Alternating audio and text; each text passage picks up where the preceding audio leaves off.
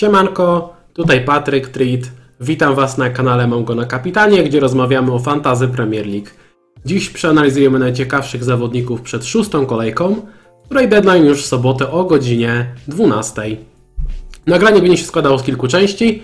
Na wstępie mam dla Was kilka komunikatów, później podsumuję poprzednią kolejkę, następnie przeanalizuję najciekawszych zawodników pozycję po pozycji, a na koniec odpowiem na Wasze pytania. Dlatego jeżeli chcecie o czymś porozmawiać, to proszę Was o troszkę cierpliwości. E, Partnerem kanału jest Betfan, legalny polski bookmacher. Wpisując kod FPL Poland przy zakładaniu konta oraz robiąc pierwszy depozyt w wysokości minimum 50 zł, otrzymacie freebet o wartości 60 zł, cashback do 600 zł oraz 100% bonusu od drugiego depozytu do 1000 zł. Oferta przeznaczona jest dla widzów, którzy ukończyli 18 rok życia. Proszę, abyście szczegóły promocji sprawdzili na oficjalnej stronie Bookmachera. Razem z naszym partnerem przygotowaliśmy też miniligę, w której po każdej kolejce trzy osoby z największą liczbą punktów otrzymują darmowe zakłady, a na zwycięzcę klasyfikacji generalnej czeka koszulka ulubionego klubu Premier League. Łączna pula nagród wynosi ponad 2,5 tysiąca złotych. Szczegółowy regulamin znajdziecie w podpiętym tweetie na moim Twitterze. Aby dołączyć do ligi, wystarczy skopiować link, który znajdziecie w opisie pod tym filmem lub wpisać kod BFLULS, czyli BFLULS. No dobrze, zaczniemy podsumowanie kolejki właśnie od naszej ligi z Betfanem. I tutaj najlepszy wynik w piątej kolejce uzyskał Andrzej Cierpioł, który zrobił 106 punktów. Dosyć nietypowy skład, muszę przyznać. Był Salah na kapitanie, co akurat mnie nie dziwi. Był też trend, ale akurat znalazł się na ławce. Na ławce znalazł się też Ben Rama, więc kurczę, mogło być jeszcze lepiej. Ale w składzie jest Tony, jest Sar, jest Bednarek, taki dosyć nietypowy wybór, i jest Dechea na bramce, który zrobił, zrobił 10 punktów, więc to naprawdę grubo ten skład zapunktował w poprzedniej kolejce i Andrzej wygrywa free beta o wartości 30 zł. Dwie dyszki zgarnia Miłosz Kępa, który zrobił 97 punktów. Tutaj też był Dechea, był Odegaard z takich ciekawych wyborów, który zrobił 11 punktów. I co ciekawe, ta drużyna zrobiła 97 punktów, grając w dziesiątkę, więc to też jest nie lada wyczyn trafiony kapitan na, na Salachu. A trzecie miejsce i freebet o wartości 10 zł zgarnia Maksymilian Szczurek, który zrobił 93 punkty. I tutaj, tutaj obrona się spisała. Jest Ederson i Walker. Ederson 8, Walker 6, Rudiger 14, Alonso 10. Naprawdę grube punkty w defensywie. Jest też Rhys James, który nie zagrał i jest na, na ławce. Widać, że tutaj Maksymilian postawił mocno na, na defensywę premium i o tych zawodnikach premium w defensywie też sobie dzisiaj e, porozmawiamy na, na dzisiejszym streamie. Oczywiście gratuluję tych e, świetnych wyników. Przejdziemy też e, krótko do podsumowania wyników naszej drużyny, którą prowadzimy wspólnie na Twitterze. I w piątej kolejce ta ekipa zdobyła 70 punktów. Wszystkie ruchy, które tutaj wykonujemy, to są tylko i wyłącznie Wasze sugestie, taki zbiorowy umysł twitterowy. Ta opcja, która ma najwięcej głosów, ta wygrywa. No i ta drużyna radzi sobie świetnie, bo, bo tak jak mówię, 70 punktów w poprzedniej kolejce to jest dokładnie tyle samo, co zrobiłem na dzikiej karcie. Ta drużyna dzikiej karty jeszcze nie zużyła. Ma dwa darmowe transfery. Coś tam jeszcze w banku, a ponadto mamy awans do 50 tysięcy w overallu, więc powiem Wam, że jestem w szoku i naprawdę nie wiem, czy, czy powinienem się cieszyć, czy, czy płakać, bo tak naprawdę mogę sobie skopiować ten skład i cały sezon grać od początku tak jak, tak jak sugerował Twitter, dosyć szablonowym składem i byłbym w top 50 tysięcy. No niestety nie jest aż tak dobrze. Moja drużyna też zdobyła 70 punktów w tej kolejce, dzięki temu awansowałem do top 270 tysięcy. Całkiem spoko, solidny awans. Defensywa spisała się nieźle. Tutaj Ramsdale, z którym troszeczkę zaryzykowałem, zrobił 9 punktów i to była bardzo fajna różnica, bo w tej kolejce Sanchez zrobił tylko jeden punkt, który jest w większości składów, więc tutaj udało mi się zrobić różnicę i mam nadzieję, że Ramsdale ten skład mm, utrzyma w najbliższym meczu z Tottenhamem. Tak naprawdę to będzie decydujące spotkanie, bo Leno zagrał w EFL Cup, i mam nadzieję, że to oznacza, że Leno będzie grał tylko i wyłącznie w pucharach krajowych, a Ramsdale w lidze. To się potwierdzi w ten weekend, zobaczymy. Na razie Ramsdale to jest nadal nieco ryzykowny wybór, E, W obronie spisał się Cancelo, kolejna różnica, która mi e, wypaliła 6 punktów. Szczęśliwie, nieszczęśliwie, można powiedzieć, tam mógł być karny dla, dla Southampton, więc, e, więc, więc no fajnie, że, że siadło. No i z ławki wszedł mi Livramento za 5 punktów oraz e, Brandon Williams za potężne 0 punktów, ponieważ na ławce rezerwowych e, znaleźli się Trent Alexander-Arnold, co jestem w stanie jeszcze jakoś przełknąć, bo Trenta miał prawie każdy, ale znalazł się też Rhys James i tutaj, tutaj jest spory ból, powiem wam, bo no zarówno Trent, jak i, jak i Rhys James zdobyliby CS-y, bo, bo i Liverpool i Chelsea te czyste konto zachowały, ale z Richem Jamesem jest to o tyle bolesna sytuacja, że dopłaciłem więcej, żeby mieć Risa Jamesa zamiast Rudigera. E, Bo James stwarza większe zagrożenie pod bramką rywali i jak na złość Rhys James nie zagrał, e, Rudiger zagrał, Chelsea zachowała czyste konto i w dodatku Rudiger strzelił bramkę. Więc dosyć niefortunny zbieg okoliczności, muszę przyznać. Wolałbym zobaczyć 14 punktów e, Rudigera zamiast e, 0 Risa Jamesa. Jestem nieco, nieco tym faktem em, rozczarowany, tak to ujmę. A co mi pozostaje? Pozostaje mi wierzyć, że Rhys James będzie grał w meczach z łatwiejszymi rywalami, więc jeżeli usiądzie na ławce City, nie będę jakoś zrozpaczony. Natomiast mam nadzieję, że w meczach z Southampton, Brentford, Norwich, Newcastle i Burnley e, już zagra i może dać wtedy grube punkty. Kto wie, może gdyby Rhys James był na boisku, to zrobiłby dwucyfrówkę, bo jego potencjał w ofensywie potwierdził się w trakcie tygodnia w meczu pucharowym, e, gdy zaliczył asystę. No ale cóż, no mam nadzieję, że przełoży to na, przełoży tą dyspozycję na mecze e, ligowe. E, W pomocy, w pomocy dosyć sza- szablonowo Salah na kapitanie 24 punkty, Żota, który też jest dosyć popularnym wyborem 3 punkty, no i teraz nieco bardziej niszowe wybory, które zrobiłem na dzikiej karcie, Rafinha 8 punktów, Niby fajnie, byłem zadowolony w piątek, że strzelił tego gola, ale minusy. Minus jest taki, że tak, po pierwsze skontuzjowany nie wiadomo czy zagra, a po drugie Benrama, którego wyrzuciłem, żeby mieć Rafinie na dzikiej karcie, zrobił 10 punktów. Oddał strzał, strzał się odbił od Varana e, i ta piłka dosyć niespodziewanie wpadła do bramki i dzięki temu Benrama zrobił dwucyfrówkę, więc e, 10 punktów. Także trochę bolało, nie ukrywam, więc szczerze mówiąc tej podmianki e, Benramy na Rafinie wyszedłem jak Zabłocki na mydle. Mm, Oprócz tego Żota, który jak zwykle spudłował w sytuacji, gdzie ma pustą bramkę, bo, bo dlaczego nie? E, W dodatku Firmino wrócił do treningów, aczkolwiek wydaje mi się, że w najbliższym meczu jeszcze usiądzie na ławce rezerwowych, więc liczę, że w meczu z Brentford może Żota coś, e, coś dorzuci. E, No i Dukure, Dukure, który był takim wypełniaczem składu. Mm, Szczerze mówiąc, w poprzednim meczu bardziej podobał mi się e, Demarai Gray, a nie Dukure. Wybrałem Dukure. No i zobaczymy, zobaczymy co z nim będzie. Teraz ma mecz z, z Norwich, więc e, muszę się zastanowić. No ale no raczej nie będę tutaj robił żadnych ruchów, bo mam pilniejsze sprawy. Jedną z tych pilniejszych spraw jest e, Patrick Bamford, który zaliczył asystę w meczu z Newcastle. Bardzo szczęśliwą, bo ta bramka Rafini też była szczęśliwa. Aczkolwiek e, ma teraz kontuzję i znów taka sytuacja, w której wyrzuciłem Antonio na dzikiej karcie, żeby mieć Bamforda, a Bamford złapał kontuzję, więc ta podmianka dwóch zawodników e, dwóch zawodników West Hamu, czyli Antonio i Benramy na Bamforda i Rafinie nie okazała się game changerem. Wręcz, wręcz powiedziałbym, że to mocno skomplikowało moją sytuację. Oprócz tego w ataku e, Ronaldo, który strzelił bramkę 6 punktów, a także Jimenez, który miał świetną okazję do tego, żeby strzelić gola. Tego gola nie strzelił i nadal 5 blanków w tych e, pierwszych pięciu kolejkach. Później przejdziemy do analizy jego e, statystyk. Jak wygląda mój skład na najbliższą kolejkę? Teorii nie wygląda to zbyt dobrze, mówiąc szczerze. E, Ramsdale zagra z Tottenhamem. E, Trent Alexander-Arnold ma mecz z Brentford. Tre- Trent trenuje, więc zakładam, że zagra. Oprócz tego w obronie mam e, Cancelo i Jamesa, więc już na pierwszy rzut oka widać, że mam trzech zawodników, którzy grają przeciwko ekipom Big Six.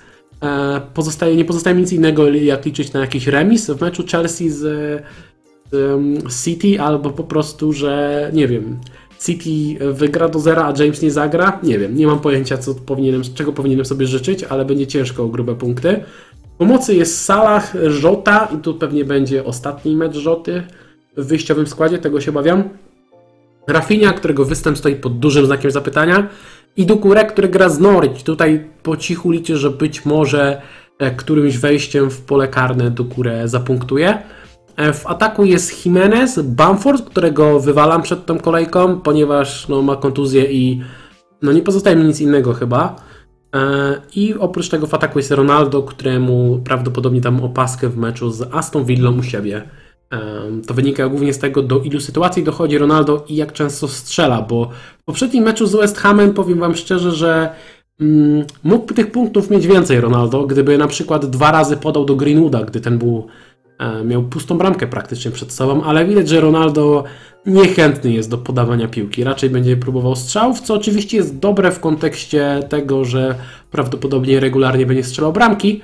Natomiast jest to spory minus y, dla pozostałych kolegów e, z drużyny, takie mam, takie mam wrażenie. No, gdyby ktoś nie zagrał się na ławce, mam Livramento, który ma u siebie mecz z Wolverhampton. Zobaczymy, jak ten mecz się potoczy. Mam Jimeneza, więc po cichu liczę, że jednak Jimenez, Jimenez strzeli, a Livramento nie będzie musiał wchodzić z ławki, choć jest to e, scenariusz raczej mało prawdopodobny. Dobrze, przejdźmy do analizy zawodników.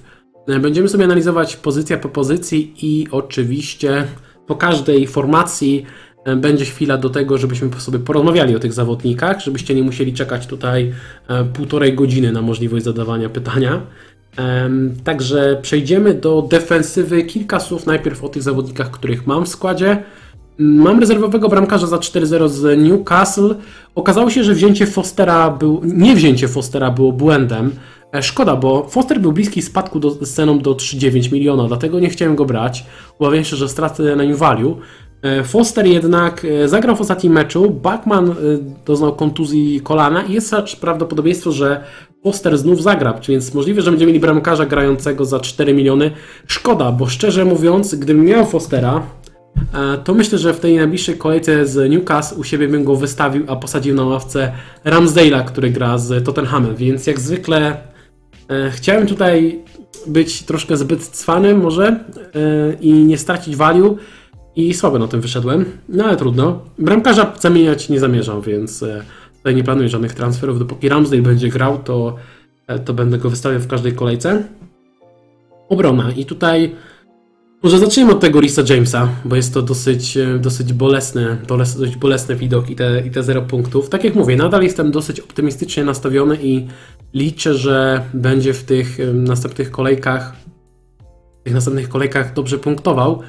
Jeżeli sobie spojrzymy na statystyki defensywne w, w tym sezonie, zwróćcie uwagę, że po pięciu kolejkach najniższą wartość expected goals against, czyli tych sytuacji, do których dopuszcza dana drużyna, ma Manchester City, ale Chelsea też jest bardzo wysoko, są w pierwszej piątce, mm, ale mają expected goals against 4,92, czyli w teorii mogli stracić nawet 5 bramek, a stracili tylko jedną, więc można powiedzieć, że czy mieli trochę szczęścia? To chyba za dużo powiedziane. Mendy spisuje się bardzo dobrze, ale, ale no też rywale nie popisywali się e, skutecznością w niektórych em, spotkaniach. Chciałem rzucić okiem, przepraszam, przepraszam jeśli będę kasłał czasem, ale jestem jeszcze jednak troszkę chory.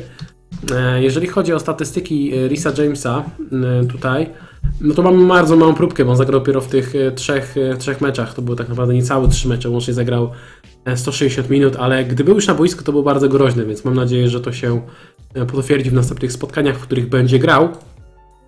Trochę szkoda, że mając tak naprawdę do wyboru czterech obrońców, bo był do wyboru Rhys James, Alonso jako takie opcje ryzykowne, Rudiger jako opcja bezpieczniejsza i Christensen jako opcja najtańsza, akurat wylosowałem najgorzej, bo Alonso, który jest najdroższy, kosztuje 5,8, ma już na swoim koncie 38 punktów e, w tym sezonie.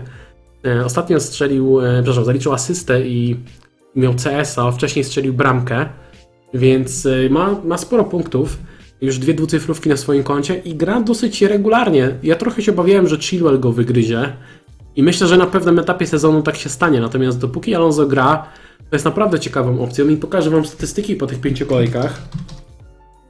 Mm, I Marcos Alonso w tym sezonie, te jego punkty z przodu to nie jest przypadek, bo on oddał 9 strzałów i dorzucił 12 kluczowych podań. Więc naprawdę jest mega, mega groźny. I szczerze mówiąc, e, no trochę szkoda, że nie wybrałem Alonso zamiast Risa Jamesa. Wydawało mi się, że Rhys James jest pewniejszym wyborem. Em, No ale cóż, tak już, tak już bywa. Jeżeli ktoś szuka opcji takiej, która ma najpewniejsze minuty w defensywie Chelsea, no tutaj na pewno trzeba spojrzeć na Rudigera. E, Rudiger, który zrobił ostatnio 14 punktów. To raczej nie będzie reguła, te, te dwucyfrówki, Mm, bo Rudiger nie jest zawodnikiem, który jest groźny w, w polu karnym. Zresztą zobaczcie w poprzednich sezonach, e, w których grał, w ostatnich pięciu sezonach w Chelsea e, najlepszy jego wynik to są dwie bramki na sezon, więc na sezon w sensie w lidze.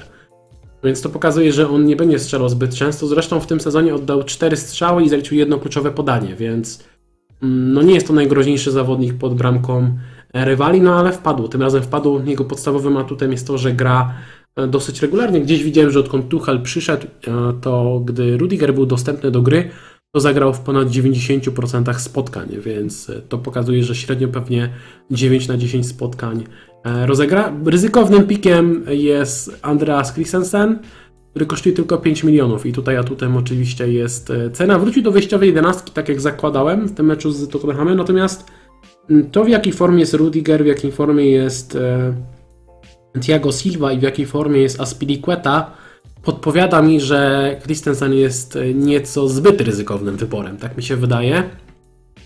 I szczerze mówiąc, tak jak jeszcze dwa tygodnie temu pewnie bym go pchał do, do jedenastki, do, do swojego składu, tak teraz raczej bym go e, nie polecał i to jest moim zdaniem opcja ryzykowna.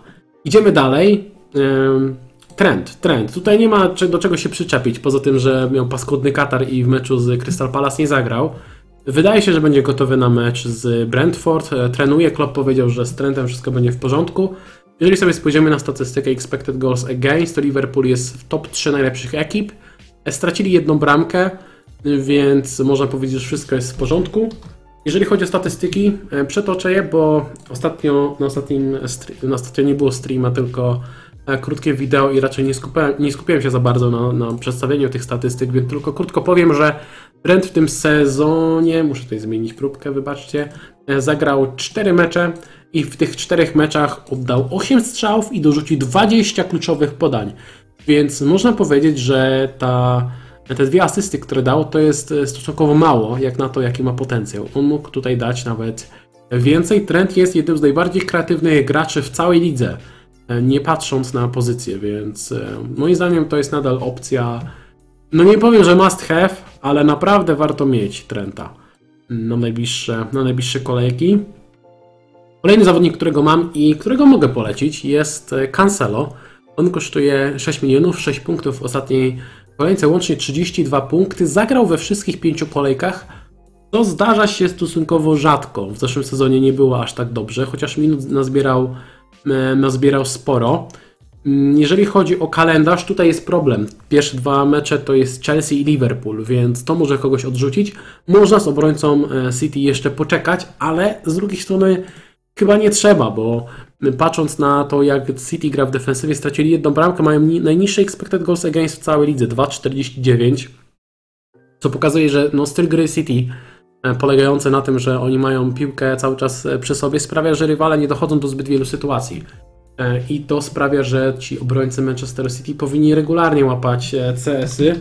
Jeżeli chodzi o Cancelo, tutaj na plus, jeżeli chodzi o jego minuty, działa fakt, że mm, no nie ma, nie, nie, ma, nie ma Mendiego, jest niedysponowany, że tak to ujmę. I ostatnio też z urazem zmagał się Zinchenko. Nie wiemy, czy to jest poważny uraz, czy nie. Zakładam, że nie ale nie zmienia to faktu, że po prostu mm, w tej sytuacji e, Cancelo powinien grać, powinien grać regularnie, patrząc też e, jak gra, w sensie jak dobrze gra, wydaje mi się, że jego miejsce w 11 nie jest zagrożone. E, patrząc na jego statystyki w tych pięciu meczach, które rozegrał do tej pory, 9 strzałów, 4 kluczowe podania, więc też troszkę dziwić, że może dziwić, że ani tutaj nie było gola z tego, ani nie było żadnej asysty, bo, bo potencjał w ofensywie jest spory, więc myślę, że warto jak najbardziej Cancelo mieć. Jako opcja bezpieczniejsza minut, ale też droższa i z mniejszym potencjałem w ofensywie e, to Ruben Diaz. Ruben Diaz, który podskoczył z ceną, kosztuje 6-1 już. Mm, w tym sezonie zaliczył już asystę. E, można powiedzieć, że no chyba dosyć, dosyć szczęśliwie, bo Diaz nie jest zbyt groźny pod e, bramką, pod bramką rywali. Jego podstawowym atutem jest to, że gra regularnie. Diaz w tym sezonie jeden strzał, 9 kluczowych, 9 kluczowych podań, więc coś tam się E, Coś tam się dzieje. Szczerze mówiąc, myślałem, że będzie gorzej, jeżeli chodzi o te kluczowe podania. Nawet jestem trochę w szoku, że uzbiera ich już aż, e, aż 9. Zwykle było jeszcze gorzej. Więc coś tam się dzieje pod bramką rywali. Diaz tak nadal jest, moim zdaniem, e, spoko opcją, tylko jest dosyć drogi. 6-1 za, e, za obrońcę mm, City. Nie wiem, czy nie wolałbym e, Rudigera w to miejsce, które jest pół miliona tańszy. To jest, to jest ciężka decyzja, mówiąc szczerze, e, którą musicie, e, którą musicie podjąć, jeżeli decydujecie się na jakiegoś z tych obrońców, obrońców premium. Jeżeli chodzi o tańszych obrońców, których mam w składzie, Brandon Williams, obrońca Norwich tutaj, e, trochę szkoda, że z Watfordem zrobił 0 punktów, liczyłem, że będzie nieco lepiej, ale gra regularnie i to jest w sumie najważniejsze od obrońcy za 4 miliony nie należy wymagać zbyt wiele. Kalendarz jest sprzyjający, więc gdzieś tam możesz sobie siedzieć na e, drugim slocie e, ławki rezerwowych i w razie jakiegoś pożaru może wskoczyć na przykład za potężne 0 punktów, tak jak w tej kolejce. E, Livramento jest zawodnikiem, który pokazuje, że niekiedy obrońcy tani potrafią punktować bardzo solidnie. Druga kolejka z rzędu z punktami. Dał 5 punktów w meczu z City, wcześniej 6 punktów z West Hamem. Dosyć niespodziewanie bym powiedział, to dosyć trudni rywale. rywale. E, Patrząc dalej na kalendarz, mecze z Wolverhampton, Chelsea, Leeds, Burnley, Watford, Aston Villa, Norwich. Jestem w stanie sobie wyobrazić tutaj na przykład trzy czyste konta z Southampton, może, może dwa. Więc myślę, że co jakiś czas e, Tino Livramento da, mm, da punkty. Podstawowy atut cena 4,2, kosztował 4,0. Trzymał pierwszy skład i już z tą ceną e, podskoczył. Jeżeli chodzi o statystyki defensywy, Southampton nie są oczywiście zbyt dobre. W pięciu meczach stracili 6 goli, expected goals against 7,79, ale ostatnie mecze właśnie z West Hamem i City pokazują, że oni są w stanie łapać te CS-y, że chyba się troszeczkę ogarnęli w defensywie po, po tym starcie sezonu i, i kto wie, może będą solidną defensywą. Livramento w tym sezonie jeden strzał, cztery kluczowe podania, więc coś tam czasem z przodu też może e, dorzucić. To tyle, jeżeli chodzi o e, moją wyjściową, mój wyjściowy skład. Teraz przejdziemy do, e, znaczy mój wyjściowy skład, e, moją defensywę po prostu na ten moment. A teraz przejdziemy do e, watchlisty i o Diasie, Alonso, o Rudigerze i Christensenie wspominałem. Wśród obrońców premium, przepraszam, możecie zwrócić uwagę, że nie ma Luka Shaw'a. Dlaczego nie ma Luka Shaw'a? Trochę przestałem wierzyć w to, że Manchester, City, Manchester United, przepraszam, zacznie regularnie łapać czyste konta. Mm, To jest, e, to jest, e, myślę, trochę problem. Problem jest to ich, ich środek pola. E, Mając w środku pola Freda i McTominaya, ciężko jest na tyle dobrze zabezpieczyć defensywy, żeby regula- regularnie łapać na mm, czyste konta. I patrząc na kalendarz, Aston Villa, Everton, Leicester, Liverpool, Tottenham, City, Watford, Chelsea. Do 13-14 kolejki ten kalendarz jest naprawdę średni i póki co sobie Lukaszoła mm, odpuszczam. Pewnie powinienem go mieć na watchliście, żeby mimo wszystko go obserwować, e, ale, ale nie byłbym tutaj jakoś skłonny ku temu, żeby... Nie wydaje mi się, żeby on jakoś e, łapał dużo punktów w tym czasie. Chociaż ma duży potencjał na dwucyfrówkę. Zaraz wam to, zaraz wam to pokażę. Jeszcze tylko jedno słowo o defensywie United.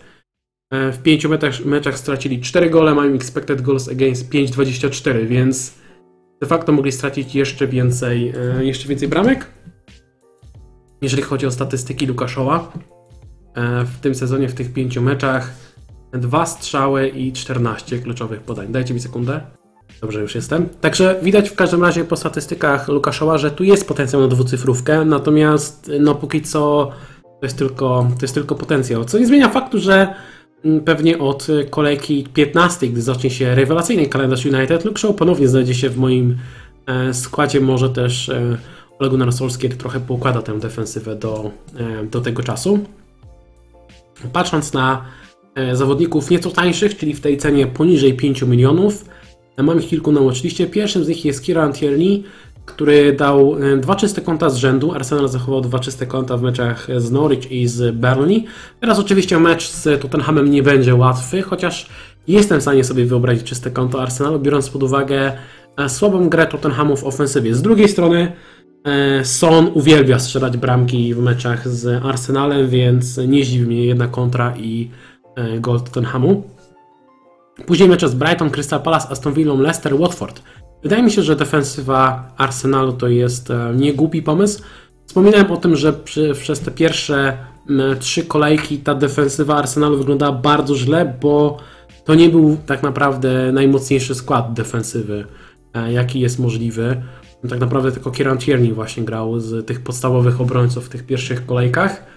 Mm, z tego względu, że statystyki Arsenalu nadal są tragiczne, patrząc na te 5 kolejek, bo e, w 5 kolejkach stracili 9 goli, mają expected goals against 11,36 i to jest drugi najgorszy wynik w lidze. Natomiast moim zdaniem widać zdecydowaną poprawę od momentu, gdy e, wrócił do wyjściowej jedenastki Gabriel, e, gdy pojawił się Tomiyasu na prawej obronie. Myślę, że ta defensywa powinna wyglądać nieco lepiej. Teraz mecz z Tenhamem, który będzie niezłym testem. Jeżeli chodzi o statystyki e, w ofensywie, Kieran Tierney w tych pięciu meczach, które, które zagrał, zaliczył 5 strzałów i 9 kluczowych podań, więc on całkiem sporo robi w ofensywie. Myślę, że warto go mieć, e, warto go mieć na oku e, i być może nawet sprowadzić od siódmej kolejki, jeżeli kogoś nie będzie stać na tych obrońców. E, Premium White jest też ciekawą opcją, jeszcze tańszą. Wrócił do wyjściowej draski po, po tym, jak odbył kwarantannę. Teraz kosztuje 4,4 miliona, więc bardzo atrakcyjna cena. Myślę, że w tej cenie to jest jeden z najlepszych, najlepszych wyborów i też warto go obserwować w kontekście następnych kolei, gdyby ktoś potrzebował gdzieś uwolnić trochę kasy albo chciał wzmocnić obronę jakimś obrońcą tanim, który może gdzieś tam być na pierwszym stocie ławki albo nawet grać w pierwszym składzie. Mam dwóch obrońców Wolverhampton na watchliście, ale szczerze mówiąc Wolverhampton trochę mnie nie przekonuje i też personalia mnie nie przekonują. Mam tutaj na myśli Semedo, który kosztuje 4,9 i Marsala, który kosztuje 4,6. W teorii to są ciekawe wybory w atrakcyjnej cenie, E, kalendarz e, Wolverhampton też jest dobry. Teraz mecze Southampton, Newcastle, Aston Villa i Leeds. Generalnie ten kalendarz aż do kolejki 14 wygląda dobrze, ale zarówno Semedo, jak i Marsal mnie nie przekonują. To znaczy, ja mam wrażenie, że to są tacy obrońcy, którzy mogą stracić skład, bo to nie są... System Wolverhampton bardzo mocno opiera się na tych bocznych obrońcach, tych wahadłowych, a mam wrażenie, że to nie są dobrzy obrońcy, to nie są dobrzy zawodnicy, ani w obronie, ani też w ataku. E, I nie zdziwię się za bardzo, jeżeli na przykład e, na lewej obronie zagra Heinz Nuri, a na prawej obronie zagra Matt Doherty. Nie byłby to dla mnie wielki szok, gdyby to się stało w najbliższych kolejkach. Patrząc na statystyki e, Wolverhampton, te defensywne w pięciu meczach stracili 5 goli, expected goals against 5,85, to jest wynik nieco powyżej średniej, także wydaje mi się, że E, powinno być lepiej niż, e, niż jest, tak, tak naprawdę. W sensie w kontekście punktów mogło być lepiej, zwłaszcza, w, zwłaszcza u Semedo. Patrząc na te statystyki Semedo, to jest bardzo aktywny. Natomiast nie potrafi tych swoich sytuacji przełożyć na, na punkty w fantazy. 6 strzałów, 3 kluczowe podania i jest bez gola i bez asysty. W ostatnim meczu wyglądał naprawdę słabo. Marsal też wyglądał słabo. Jeżeli sobie rzucimy okiem na jego statystyki, on zagrał 5 spotkań i w tych 5 spotkaniach 5 strzałów, dwa kluczowe podania i tutaj też de facto bez gola i bez asysty. Oczywiście w fantazę ma dwie asysty przypisane, mm, ale tu nie były takie de facto asysty, e, bo tam był, to był dosyć fortunny zbieg okoliczności, bym powiedział, że e, to była raz dobitka, najpierw oddawał strzały była dobitka, innym razem bo chyba był jakiś E, rykoszet czy coś, już nie pamiętam dokładnie jak to się stało niestety. Natomiast pamiętam, że obie te asysty były dosyć, dosyć szczęśliwe. De facto to nie było takie klasyczne dogranie do, do zawodnika, który strzelił gola. Więc trochę bym się obawiał o tych zawodników. Obserwuję, bo jeżeli nagle Wolverhampton zaskoczy i zacznie punktować na miarę tego, jakie mają statystyki, bo mają naprawdę przyzwoite statystyki, to to mogą być spoko opcje. Natomiast czy mogę ich polecić z czystym sumieniem? Raczej, raczej nie. No i przechodzimy do tych, do tych obrońców zupełnie budżetowych. Weltman, który kosztuje 4,4 miliona, e, gra dosyć regularnie. Mam go na watchliście, bo wiem, że znajduje się w wielu składach, mimo że posiadanie tutaj na to nie wskazuje ogólne, ale wiem, że wiele osób miało go na starcie sezonu albo przymierzało go do składu. Mm, jest to opcja, która no, ma bardzo atrakcyjną cenę, natomiast Problem jest malutki taki, że Tarik Lamptey wrócił do gry, zagrał w meczu pucharowym dopiero 45 minut, więc trochę to potrwa zanim, zanim y, Weltman będzie miał jakieś zagrożenie. e, w składzie, ale to zagrożenie może się pojawić i, e, i to jest mały problem. Weltman kosztuje 4-4 i to samo się tyczy e, Duffiego. Shane Duffy gra regularnie, zagrał w pięciu spotkaniach w tym sezonie. 27 punktów, rewelacja jak za obrońcę, który zaczynał od 4 milionów. Cena podskoczyła do 4,3, ale mam pewne obawy, że gdy wróci właśnie Lamptey do pełnej dyspozycji i gdy wróci Webster, a Webster wraca do gry po przerwie na reprezentacji, czyli od ósmej kolejki, mogą się pojawić problemy. Nie zdziwi mnie za bardzo, jeżeli mm, docelowa defensywa, tak zakładam, to będzie Kukurela z lewej, później na półlewym będzie grał Webster, na środku będzie grał e, Dunk, półprawy obrońca Weltman i na prawym wahadle Tarik Lamptey. Zakładam, że to jest najmocniejsza defensywa Brighton i wtedy nie ma miejsca dla Duffiego lub nie ma miejsca dla Weltmana. Zobaczymy jak to, jak to poukładał Graham Potter. E, Po prostu zwracam uwagę na to, że tutaj mogą być jakieś drobne e, problemy. No i też e, zwrócam, zwracam uwagę na e, Javiera Manquillo, który kosztuje 4 miliony, zagrał drugi mecz z rzędu w wyjściowym składzie Newcastle. Póki co defensywa Newcastle gra bardzo źle, ale warto to obserwować, bo jeżeli ktoś szuka obrońcy za 4 miliony na, na dzikiej karcie, albo po prostu potrzebuje takiego taniego i na przykład nie przekonuje go Brandon Williams, to można spróbować z Manquillo, ale tak jak mówię, Newcastle w tym sezonie póki co 13 goli straconych, expected goals against 11,86 i to jest absolutnie najgorszy wynik w całej lidze. Dobra, to tyle jeżeli chodzi o defensywę. Jeżeli macie jakieś pytania ty- dotyczące typowo obrońców, to dajcie znać, a później przejdziemy do e, analizy zawodników z pozostałych pozycji. E, Piszecie, czy Marcel i Semedo mogą stracić skład? No wiem, że to na teraz wydaje się mało prawdopodobne, ale y, Wolverhampton ma na tyle słabe wyniki, że nie zdziwię się, jeżeli Nuno Espirito Santo spróbuje... Przepraszam, jaki, jaki Nuno, Nuno Espirito Santo? Nie ma Nuno Espirito Santo. E, Ja chyba w ogóle powiedziałem, że Doherty może zagrać e, na prawej obronie Wolverhampton, prawda? I się cofnąłem czasem gdzieś e, w głowie o, o, o, o dwa lata. teraz, teraz się zorientowałem, co ja powiedziałem.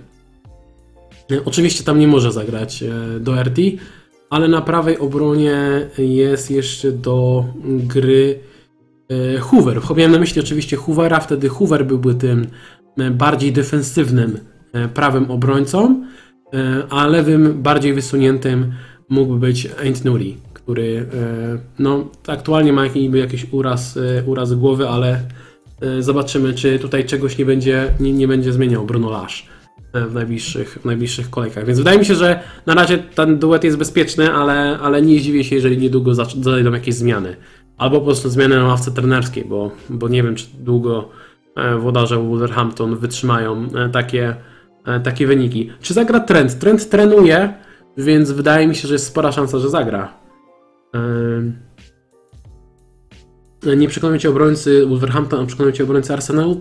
Tak, bo uważam, że Tierney i White to jest absolutna podstawa defensywy Arsenalu, a nie mogę tego samego powiedzieć o Semedo i Marsalu. Hmm, czy wiadomo co z Eilingiem? Nie wiemy, czy zagra. Co sądzisz o graniu long-termowo 3 razy premium y, obrona Trent, Diaz, Alonso? Brzmi bardzo sensownie. Jak najbardziej to jest w porządku. Ja też, no, taką też użyłem podobną defensywę, można powiedzieć. Ja zaryzykowałem z Cancelo i z Jamesem. Zobaczymy, czy to się opłaci, ale myślę, że taka defensywa premium jest jak najbardziej ok. Ja bym nawet widział czterech obrońców, szczerze mówiąc. Mógłbyś spokojnie do tej defensywy, którą napisałeś, jeszcze dorzucić Rudigera. Czy Westergaard to dobry wybór? Wiesz co, mnie Lisy kompletnie nie, nie przekonują w tym sezonie. Ani w ataku, ani e, w obronie, więc e, ja bym trochę poczekał, aż oni sobie tą grę e, poukładają. Co z, co, co z Diniem? Nie wiemy jeszcze, czy będzie gotowy. Jutro pewnie pojawi się komplet informacji z, e, z konferencji prasowych. Jeżeli będzie zdrowy, to ja bym go trzymał na ten mecz z Norwich. E, Wiesz co, jeżeli masz Marsala, to ja bym go trzymał, bo nadal ma dobry kalendarz. W sensie ja nie widzę sen- sensu, żeby sprzedawać Semedo lub Marsala, jeżeli ktoś ich ma. Jeżeli macie ich, to, to trzymajcie, bo dopóki grają, mają dobry kalendarz, jest szansa na, na fajne punkty, bo oni stwarzają zagrożenie pod bramką rywali. Natomiast e, nie wiem, czy na dzień dzisiejszy bym kupił tych zawodników. E, To miałem na myśli. Trent, Livramento, Rudiger, James lub Alonso White. Taki setup defensywy od G8. No, wygląda bardzo sensownie. E, jaki jest najbardziej irytujący piłkarz FPL-u i dlaczego jest to Luka Dean? E, no, bo to już wiemy od lat, to jest największy troll. Ja pamiętam doskonale, jak posadziłem Lukedinia bodaj z trzy sezony temu, albo dwa sezony temu w Boxing Day e, na ławce na pierwszym slocie. Grał wtedy z Tottenhamem i kolejkę wcześniej zrobił minusowe punkty u mnie w wyjściowym składzie i defensywa Evertonu wyglądała bardzo źle. No i oczywiście jak na złość Dean nie dość, że strzelił dwie bramki w tym meczu i zrobił chyba 17 punktów, to jeszcze nie wszedł z ławki, mimo tego, że zwykle w Boxing Day jest mnóstwo rotacji, to akurat jak na złość każdy z moich zawodników zagrał i Luka Dean po tym jak zrobił minusy w podstawowym składzie, kolejkę później na ławce zrobił 17 e, punktów, więc pozdrawiamy Luka Deania. Jest to strasznie, strasznie irytujący zawodnik fantazy. Skłaniałbyś się bardziej ku zagraniu na dzikiej karcie Cancelo plus Rudiger, czy Diaz plus Riz Alonso? Chyba Cancelo plus Rudiger. Tak mi się wydaje. Bo jednak mm, nie jestem do końca przekonany, czy Riz i lub Alonso long-termowo utrzymają ten, tą wyjściową, wyjściową jedenastkę. Wydaje mi się, że e, Chilwell i też Aspilicueta na, na prawej stronie są zagrożeniem dla, dla odpowiednio Alonso i Risa Jamesa.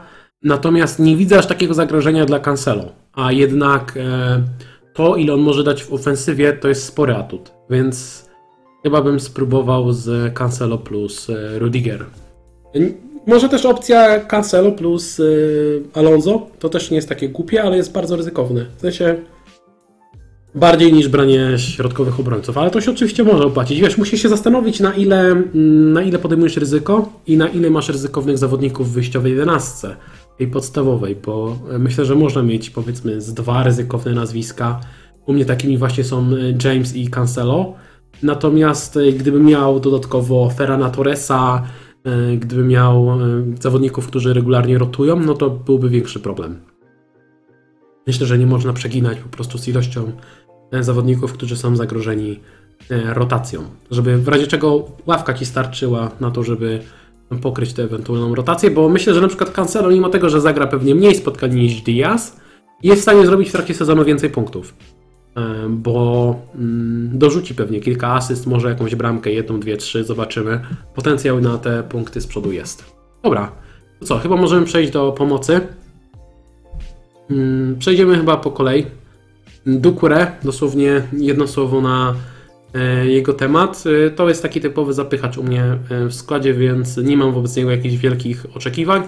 Mam nadzieję, że w meczu z Norwich pokaże się z dobrej strony, czy da jakieś punkty, no to E, zobaczymy, jeżeli chodzi o statystyki. Mm, Abdullah Dokure w tym sezonie w pięciu meczach ma już gola, ma e, dwie asysty, oddał 8 strzałów i dorzucił 5 kluczowych podań, więc jest w porządku jak na e, zawodnika w tej cenie. Od razu może wspomnę o innych zawodnikach Evertonu, bo pojawiły się pytania. Myślę, że Andros Townsend to jest trochę opcja ryzykowna mimo wszystko, chociaż naprawdę jest w wyśmienitej formie i można z nim spróbować. Natomiast bardziej popularny jest Demarai Gray, który gra naprawdę dobrze i w tym meczu z Aston Villą e, podobał mi się. Był groźniejszy zdecydowanie od e, Dukure. Myślę, że w tym meczu z Norwich może zrobić fajne punkty. Jeżeli chodzi o statystyki Graya, to Demarai Gray e, w tych dotychczasowych pięciu meczach oddał 10 strzałów i dorzucił 6 kluczowych podań. Natomiast na kapitana zdecydowanie bym go nie dawał, bo to nie jest zawodnik, którym, na którym można polegać.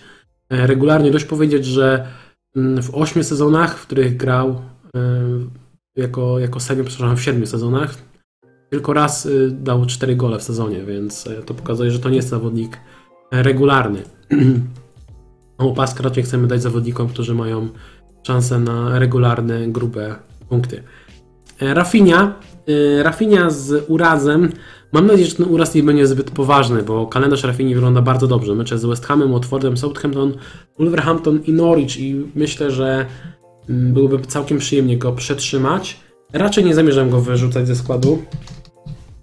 E, w Leeds jest spory problem kadrowy, więc wydaje mi się, że Rafinha nawet jeżeli będzie średnio dysponowany i do gry na 60-70 minut, to i tak w tej wyjściowej 11 się znajdzie. Chyba Bielsa nie ma za bardzo wyboru. Patrząc na jego statystyki, 15 strzałów i 10 kluczowych podań. Bardzo sympatyczne e, cyferki jak na gościa, który kosztuje 6,5 e, miliona. E, Mendy to mnie tylko zapychacz, więc o nim nie będziemy rozmawiać. Żota, jedno słówko o nim. Mimo tego, że marnuje sytuację, mimo tego, że Firmino wrócił do treningów z drużyną. Myślę, że Rzotę warto przetrzymać na najbliższy mecz z Brentford. Obawiam się, że w meczu City już nie zagra, że wtedy zagra Firmino. Natomiast na mecz z Brentford warto go e, trzymać, bo pomimo tego, że on irytuje swoją nieskutecznością, to dochodzi po prostu do wielu sytuacji bramkowych i ciężko zrezygnować z gościa, który e, w pięciu kolejkach w 350 minut, więc no, to nie jest gra od deski do deski, oddał 15 strzałów, 9 kluczowych podań, ma expected goals 2,32, więc e, no, to widać, że jest naprawdę spory potencjał na, na punkty myślę, że w meczu z Brentford e, może coś dać. W skrócie, instrukcja posiadania, posiadania Rzoty moim zdaniem jest taka, że jeżeli go macie, to chyba warto go przetrzymać, chyba że naprawdę nie macie co zrobić z darmowym transferem.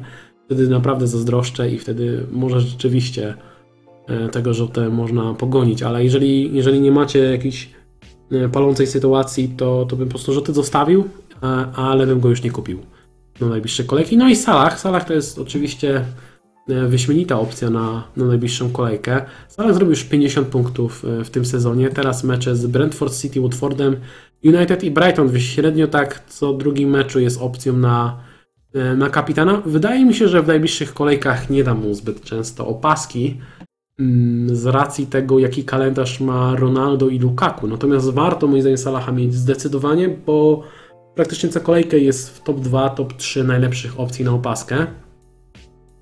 Patrząc na jego statystyki, Mo Salah y, w tym sezonie ma po prostu kosmiczne, e, kosmiczne te, te liczby. E, w tych pięciu meczach oddał 22 strzały i do, do tego dorzucił 14 kluczowych podań. I to jest absolutnie, no to jest, to jest moim zdaniem wszedł level wyżej względem tego, jak grał w poprzednich sezonach, a to przecież w ostatnich latach był jeden z najlepszych, jeżeli nie najlepszy i najbardziej regularny zawodnik pod względem punktów fantazy, więc Salaha moim zdaniem warto e, zdecydowanie, zdecydowanie mieć. Jest e, na ten moment najlepszą opcją premium wśród e, pomocników i szczerze mówiąc, na ten moment ani Sterling, ani De Bruyne, ani Son nie wydają się wybitny, wybit, wybitnymi wyborami do składu. Wydaje mi się, że De Bruyne może takim być za kilka kolejek ale jest też dosyć drogi, a są opcje e, tańsze w pomocy też między innymi właśnie z Manchester City. I sobie do nich teraz e, przejdziemy, bo na oczywiście mam głównie e, pomocników z takiej niższej lub średniej półki cenowej, bym powiedział. Pierwszym z nich jest Jack Grealish, zagrał w każdym z pięciu spotkań, dał jedno, jednego gola, jedną asystę. Mm, niby bez strzału, ale te, jednak te punkciki zbiera. Oczywiście przed meczami z Chelsea i z Liverpoolem go nie wezmę, ale później w meczach z Berlin, Brighton, Crystal Palace, United, Evertonem, mimo że to United i Everton świecą się na czerwono, to nie są jakieś wybitne defensywy.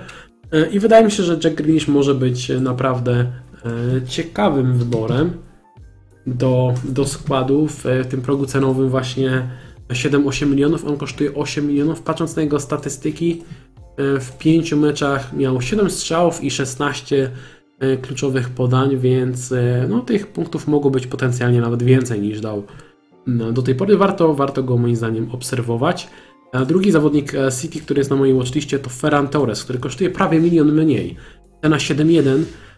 W ostatnim meczu z Southampton nie zagrał, ale pragnę zwrócić uwagę na to, że po pierwsze to była po serii bardzo regularnych występów Torresa. On naprawdę potrzebował odpoczynku, a dwa, że no jednak City nie strzeliło gola w tym meczu ze, ze Świętymi, co pokazuje moim zdaniem, że e, może też Pep dojść do takich wniosków, że Ferran Torres jest potrzebny w atakach Manchesteru City. Moim zdaniem jest potrzebny, z tego względu, że Ferran Torres i Sterling to są jedyni dwaj zawodnicy w aktualnej kadrze Manchesteru City, którzy potrafią regularnie wychodzić na każdą prostopadłą piłkę E, są w stanie regularnie wykonywać ten ruch, powiedzmy, w stronę bramki e, rywala, bo tacy zawodnicy jak Grealish, Mares, e, De Bruyne mm, to są zawodnicy, którzy lubią mieć piłkę, piłkę przy nodze, natomiast Ferran Torres jest zawodnikiem, który potrafi wyjść dobrze, wykonać dobry ruch na prostopadłą piłkę. Wydaje mi się, że Ferran Torres będzie grał w miarę regularnie, nie zdziwi mnie, jeżeli w tych meczach z Chelsea i z Liverpoolem Pep postawi na nieco bardziej defensywne ustawienie z De Bruyne albo Gundoganem na fałszywej dziewiątce, bo tak grywał Pep w ważnych meczach w zeszłym sezonie. Natomiast nadal mam wrażenie, że od siódmej kolejki, przepraszam, od ósmej kolejki e, Ferran Torres może być ciekawą opcją w fantazy z uwagi na, na cenę. Jeżeli ktoś go ma i chce go sprzedać, e, nie dziwi mnie to wcale, bo tak jak mówię, no w tych najbliższych e, meczach ten potencjał na e, punkty nie jest aż tak duży. Natomiast, natomiast w dalszych kolejkach to może być ciekawy wybór do składu. Patrząc na jego statystyki, w tych dotychczasowych czterech meczach, w których zagrał, miał 13 strzałów i jedno kluczowe podanie, więc widać, że raczej punktów za asysty z tego nie będzie, choć paradoksalnie po tym jednym właśnie kluczowym podaniu otrzymał asystę. E, To chyba było przy podaniu do Fernandinho, który w meczu z Arsenalem załadował taką bramkę z pola karnego, jeżeli się nie mylę. Natomiast może regularnie strzelać gole, bo, bo dochodzi do wielu e, sytuacji bramkowych. Na moim oczywiście znajduje się też Greenwood. Pewnie wielu z Was ma go w, w swoim składzie fantazy. Ja go wyrzuciłem, bo e, powoli dzieje się to, czego się obawiałem, gdy Ronaldo przychodził do e, Manchester United. Zakładałem, że Oleg Gunnar Solskjaer, żeby jakoś zabezpieczyć tę defensywę, mając takich zawodników właśnie jak Ronaldo, jak Bruno, jak e, Sancho czy Greenwood, będzie musiał stawiać na duet w środku pola McTominay plus Fred i wtedy Pogba gra na lewej stronie ataku, taki fałszywy lewy pomocnik, który tak naprawdę schodzi do środka pola, a Show bardzo wysoko atakuje lewą stroną.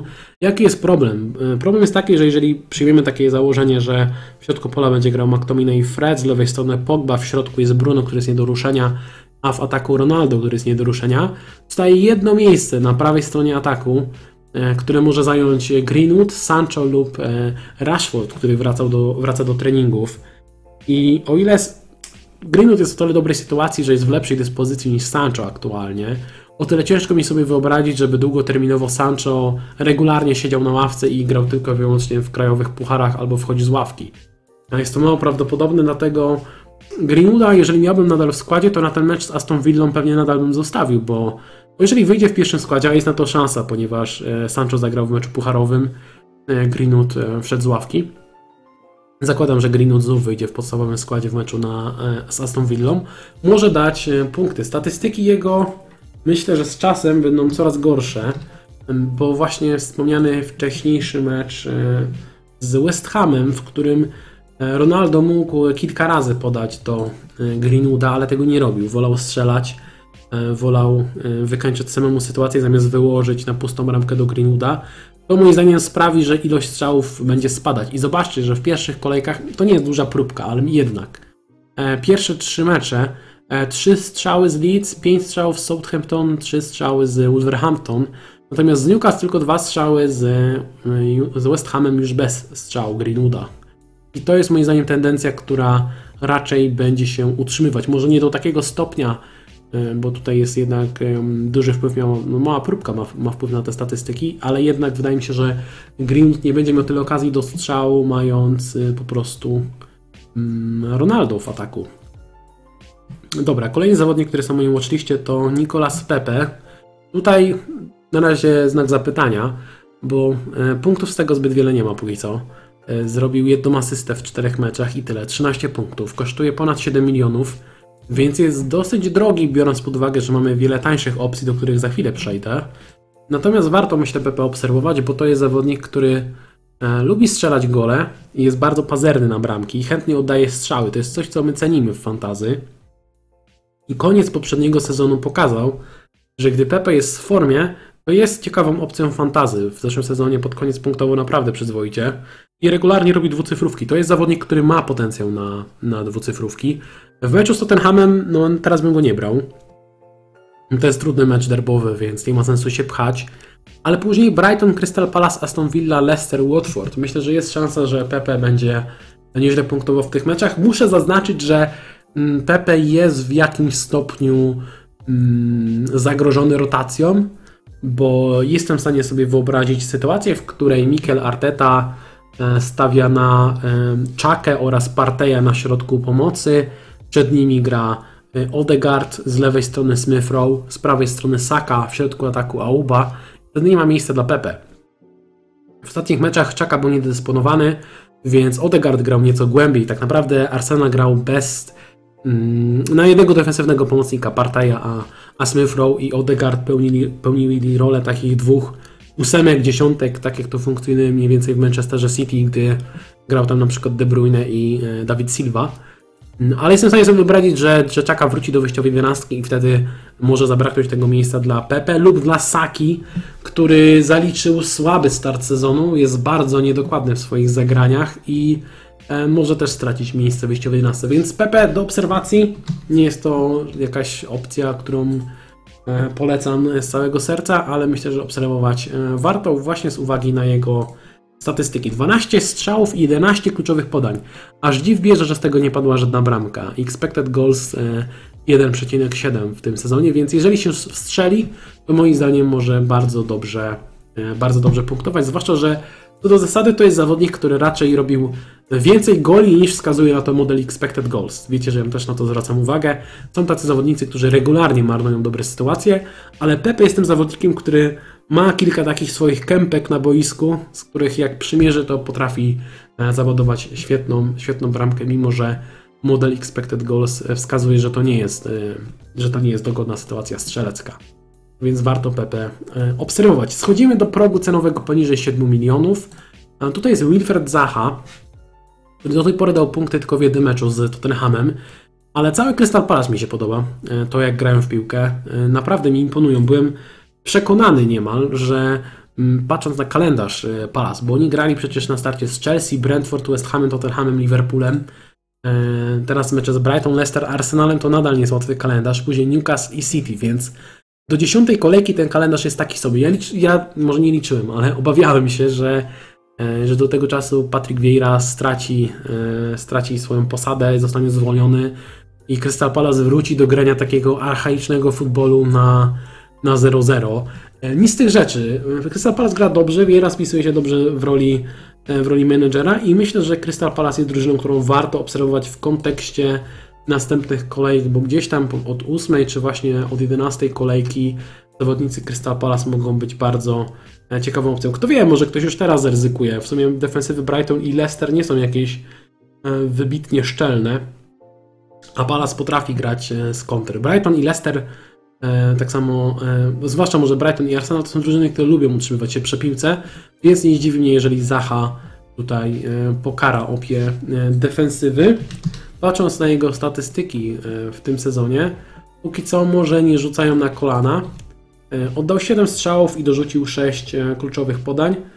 Natomiast e, no miał expected goals 1.09, expected assist 1 1 1.15, więc ten gol i ta asysta nie wzięły się z przypadku. Skoro jestem przy Crystal Palace, też wspomnę jednym e, słowem, może dwoma, e, Conora Gallaghera, który co prawda ostatnio zblankował z Liverpoolem, ale znów pokazał się z dobrej strony. I to też jest bardzo ciekawa opcja gdzieś tam na czwarty, piąty slot e, pomocy, bo on kosztuje 5-6 i myślę, że może być jedną z ciekawszych opcji budżetowych w tym sezonie. Patrząc na to, jak gra e, Crystal Palace, jak gra Conor e, Gallagher, ma e, 10 strzałów i 7 kluczowych podań w czterech meczach, które zagrał. To jest naprawdę, to naprawdę imponujące statystyki, jak, za, jak na zawodnika za tą cenę. Kolejni, kolejne wybory, kolejne zawodnicy, kolejni zawodnicy, których mam na watchliście. Benrama, którego pewnie wszyscy macie. E, Ja oczywiście go nie mam. E, Po, po tym jak zrobił dwie dwucyfrówki w pierwszej i w drugiej kolejce, kupiłem go na trzecią i czwartą kolejkę. E, Zużyłem dwa darmowe transfery, wyrzuciłem Toneja, który nagle zaczął punktować. M, Wziąłem Benramę na dwie kolejki, po czym na dzikiej karcie go wyrzuciłem po dwóch blankach i oczywiście w meczu z United musiał zrobić dwucyfrówkę. E, Także mogę powiedzieć, że Benrama totalnie prześladuje moją drużynę w tym sezonie i posiadanie powyżej 30% e, nie ułatwia tutaj radzenia sobie z, z jego punktami. E, Jeżeli macie go w składzie, to nie ma powodu, żeby go wyrzucać oczywiście. Mecze z Leeds, Brentford, Evertonem, Tottenhamem, Aston Villą. Może to nie jest jakiś wybitny kalendarz, ale też absolutnie to nie zły kalendarz. Więc dopóki gra, dopóki punktuje, warto go trzymać, zwłaszcza jeżeli kupiliście go tam za 6 czy 6,1 miliona.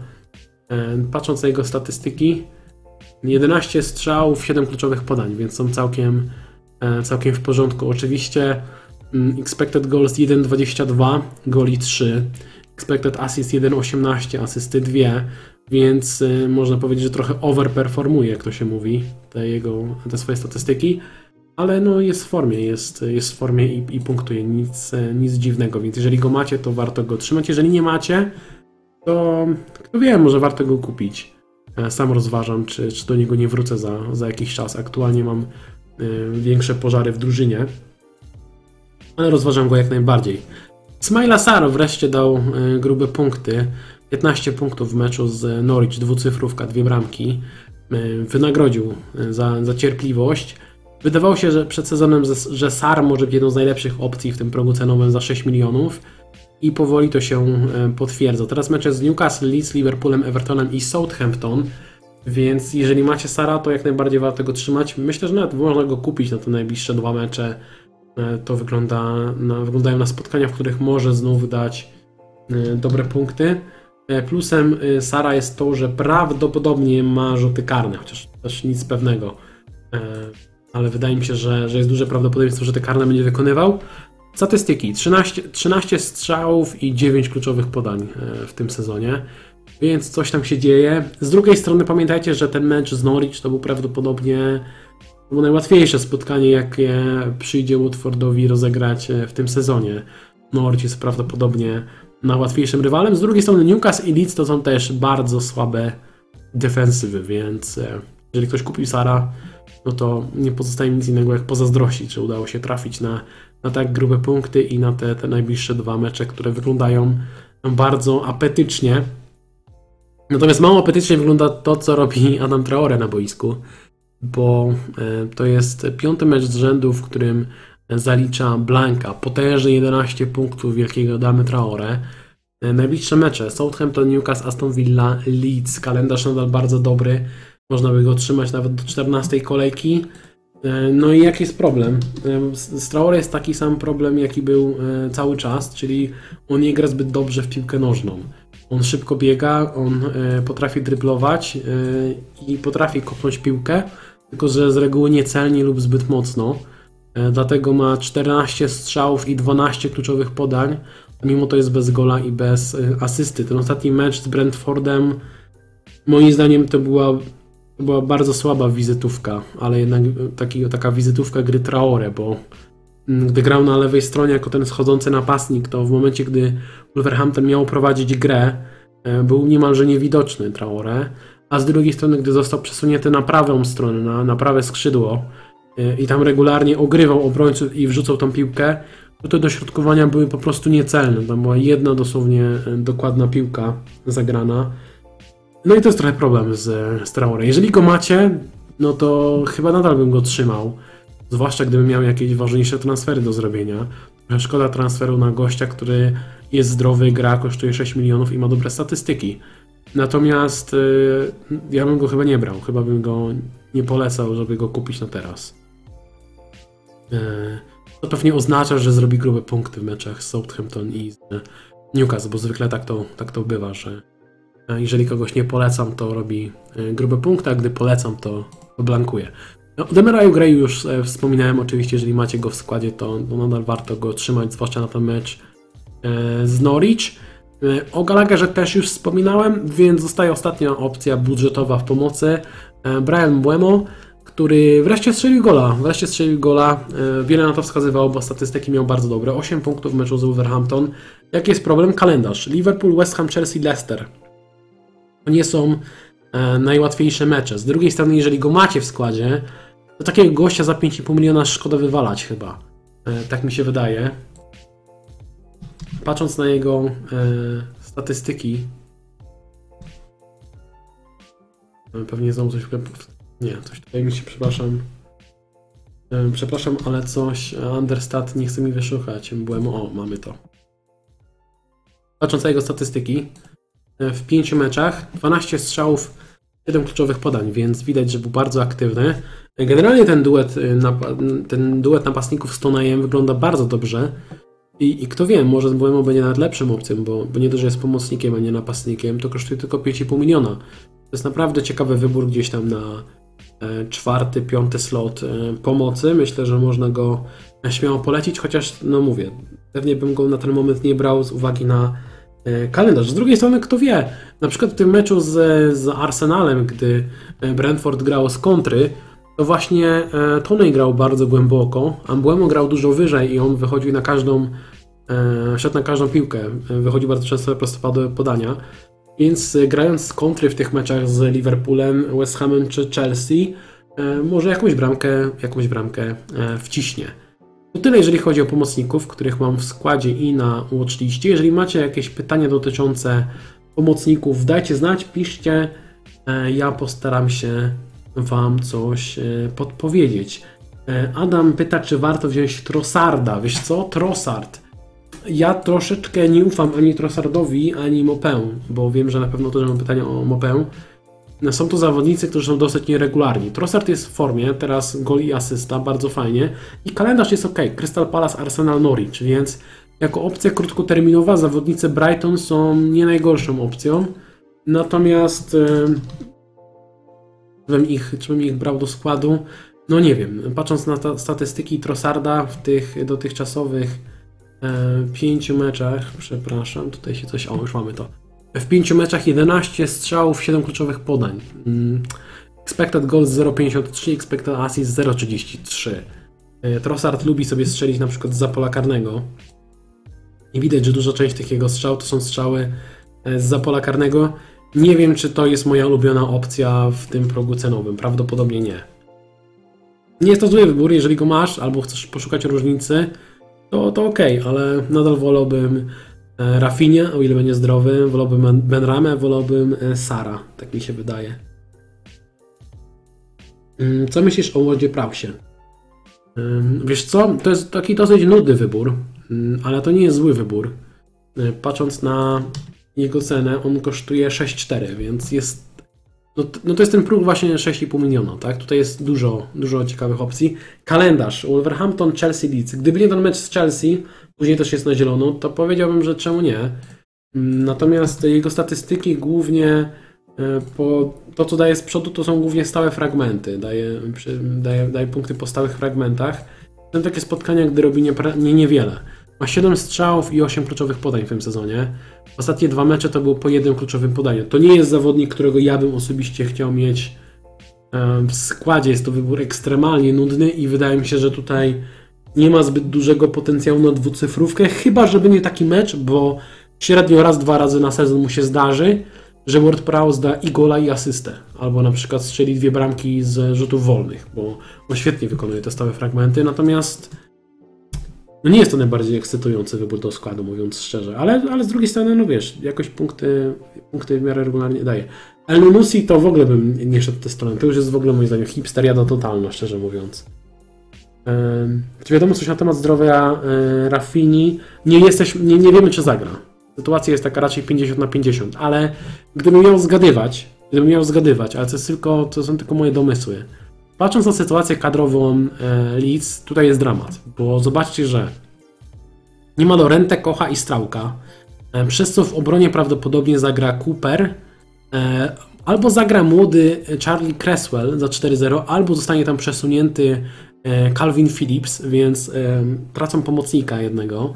Nie wiemy co z Eilingiem, czy zagra na prawej stronie, czy nie. Jeżeli nie zagra, to na prawej obronie może zagrać na przykład e, Shackleton, który jest de facto środkowym pomocnikiem, takim defensywnym, ale czasem grywa na prawej stronie. Na lewej stronie jest Firpo, może grać też Dallas, ale to też kolejny pomocnik, który znika z puli pomocników, a oprócz tego nie ma Harrisona, to czym teoretycznie mógłby zagrać, ale on przeszedł e, koronawirusa, więc nie wiadomo, czy e, będzie mógł zagrać. I robi się ciasno. Jeżeli do tego dodamy, że nie ma Bamforda, więc e, Rodrigo, który kosztuje 6-3, prawdopodobnie zagra na środku ataku, to robi się mało tych slotów w pomocy, więc wydaje mi się, że e, sztab medyczny zrobi co będzie mógł, żeby Rafinha dostał po prostu jakieś środki przeciwbólowe, cokolwiek e, i żeby mógł zagrać chociaż te 60-70 minut. Takie jest e, moje zdanie. Jak z moim zdrowiem? Trochę lepiej, ale bez szału. Jaka jest najlepsza Twoim zdaniem podmianka za Rzotę po tej kolejce? Wiesz co, pogadajmy po tej kolejce, bo może się wiele wydarzyć. E, Więc ciężko mi teraz e, gdybać, szczerze mówiąc. Za dwie kolejki to też powiem Ci za dwie kolejki, Piotr, do kogo mi będzie bliżej, czy do Torresa, czy do Grealisha. Na dziś to Torresa, ale, ale to jest bardziej ryzykowny wybór. Grealish jest bezpieczniejszy. Sądzisz o graniu na trzech pomocników przy niezbyt wielu opcjach pomocy, jednocześnie wielu ciekawych opcjach w obronie? Okay, spoko. Sam nawet rozważam coś takiego, bo mam opcję, żeby na przykład za Williamsa za jakiś czas wpisać Rudigera i mógłbym wtedy grać 4-3-3, a Dukurę trzymać na ławce. Natomiast musicie pamiętać, że nie możecie za bardzo się ograniczać, musicie być w miarę elastyczni, bo tak jak teraz wydaje się, że nie ma zbyt wielu opcji, na przykład w tym progu cenowym 7-8 milionów, tak jestem przekonany, że za 2, 3, 4, max 5 kolejek okaże się, że mamy 4 albo 3 dobrych pomocników progu cenowym 7-8 milionów i będziemy się łapać za głowę i zastanawiać, jak tu teraz ich upchnąć, bo tak to zwykle bywa w fantazji, że to się dosyć szybko e, zmienia, więc Podoba mi się ten układ, który mam, że mam drogiego Salaha, oprócz tego jest Żota jako ten trochę droższy, ten do 8 milionów. Później jest Rafinha jako nieco tańszy i Dukure jako ta opcja zupełnie najtańsza. Myślę, że to jest dobry, taki zbalansowany układ. Greenwooda sprzedać po tej kolejce, czy czekać do GW8 meczu z Leeds? Jakieś sensowne opcje w podobnych pieniądzach? W sensie, w sensie na pomocników, mówiłem przed chwilą, jest najwyżej sobie odwiniesz, e, kto Ci się tam podoba. Ja bym Greenwooda na razie trzymał, dopóki gra regularnie, no to chyba warto trzymać, ale zaznaczam, że będzie taki moment, w którym myślę, że zacznie regularnie siadać na ławce albo bardzo dużo rotować po prostu. Na zasadzie w jednym meczu 60 minut, w drugim meczu 30 minut. Fornals, Fornals jest opcją taką e, niszową, hipsterską. Ma bardzo dobre liczby. Generalnie rozgrywa bardzo dobry sezon. E, moim zdaniem. Piłkarsko chyba jest lepszy od e, Benramy. Mm, i możliwe, że nawet ważniejszy dla ataków e, West Hamu, bo odpowiada za budowanie wielu ataków, ale pod względem fantazy 8 strzałów, 10 kluczowych podań, no chyba wolałbym jednak Benramę.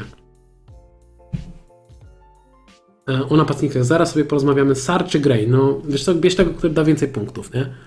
Tak ci powiem. Ciężko, ciężko powiedzieć mi, no bo jeden i drugi ma dobry kalendarz. Więc jeden i drugi wybór jest dobry.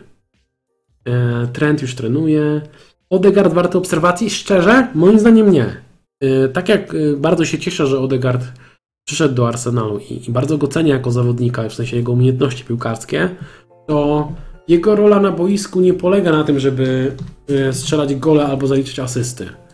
Strzeli teraz gola po rzucie wolnym, świetnym rzucie wolnym, brawo, jakby doskonałe uderzenie.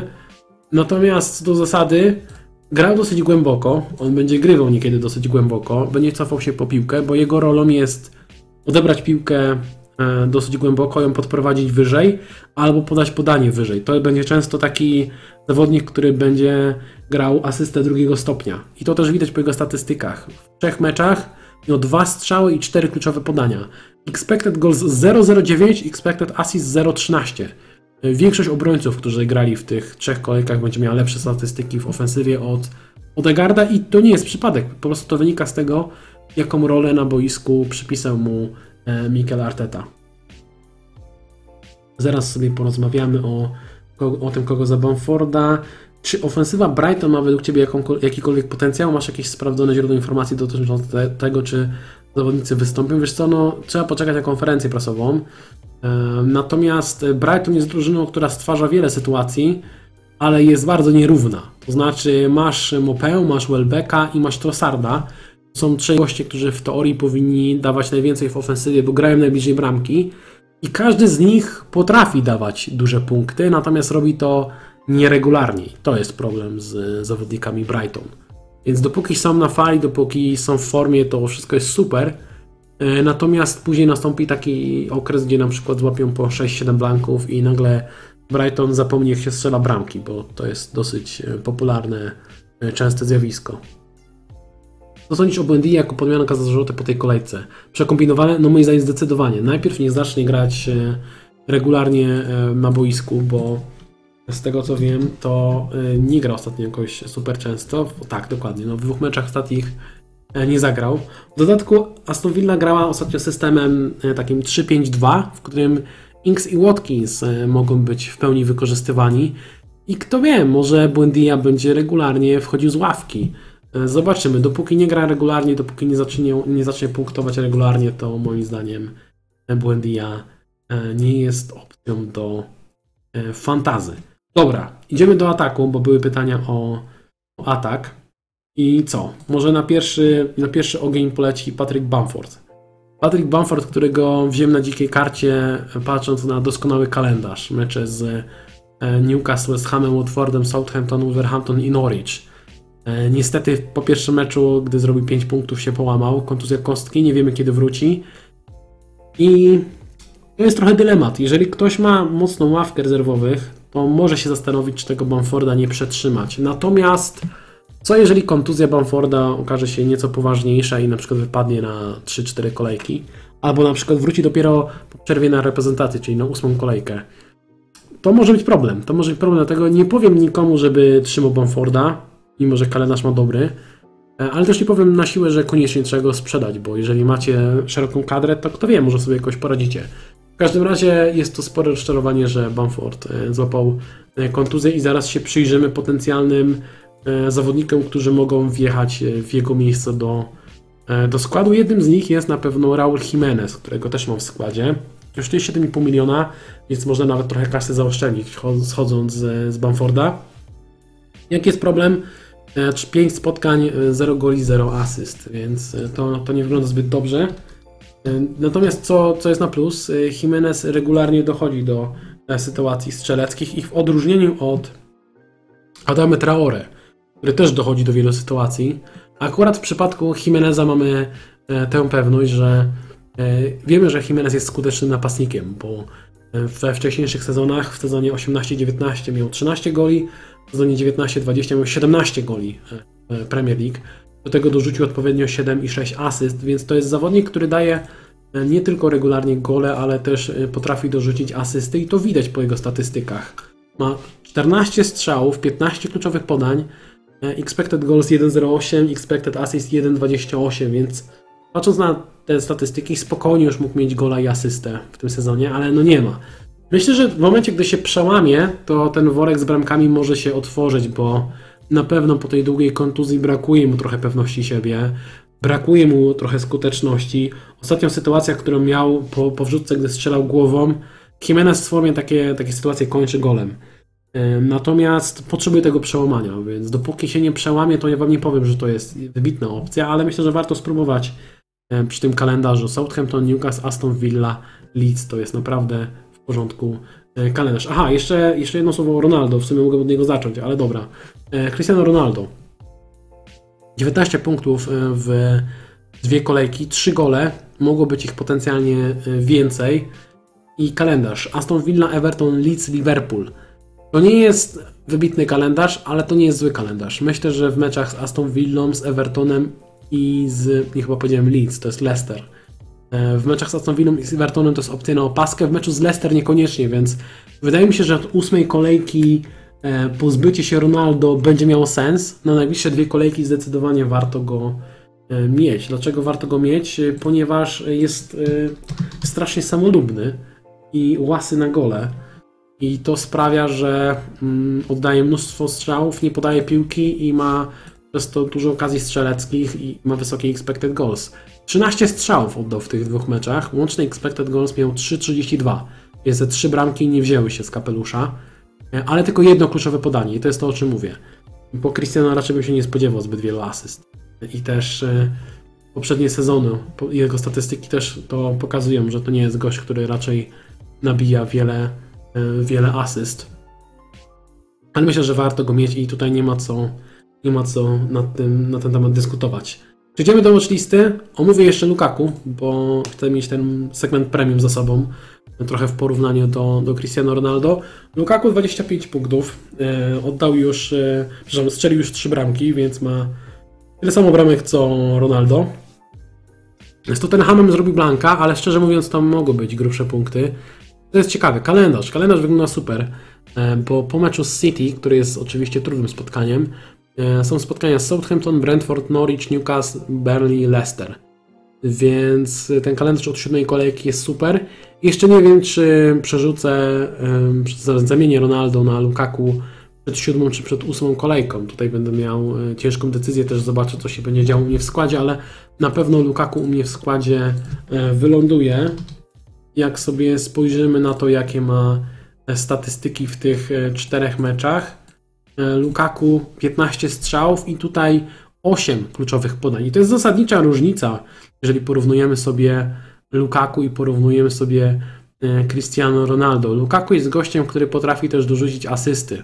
Aż dziw bierze, że w, zeszłym, w poprzednim meczu z Tottenhamem nie zaliczył żadnej asysty, bo kilka podań było naprawdę dobrych. Między innymi pamiętam sytuację Wernera, gdy dostał świetną piłkę i nagle nie wiedział, co z nią zrobić, tam 15 metrów od bramki. E, Więc e, Lukaku może nabić sporo asyst też w tym sezonie. I nie zdziwi mnie, jeżeli mimo wszystko Lukaku zrobi więcej punktów w tym sezonie od Ronaldo, właśnie ze względu na to, jaki e, ma potencjał na, na asysty.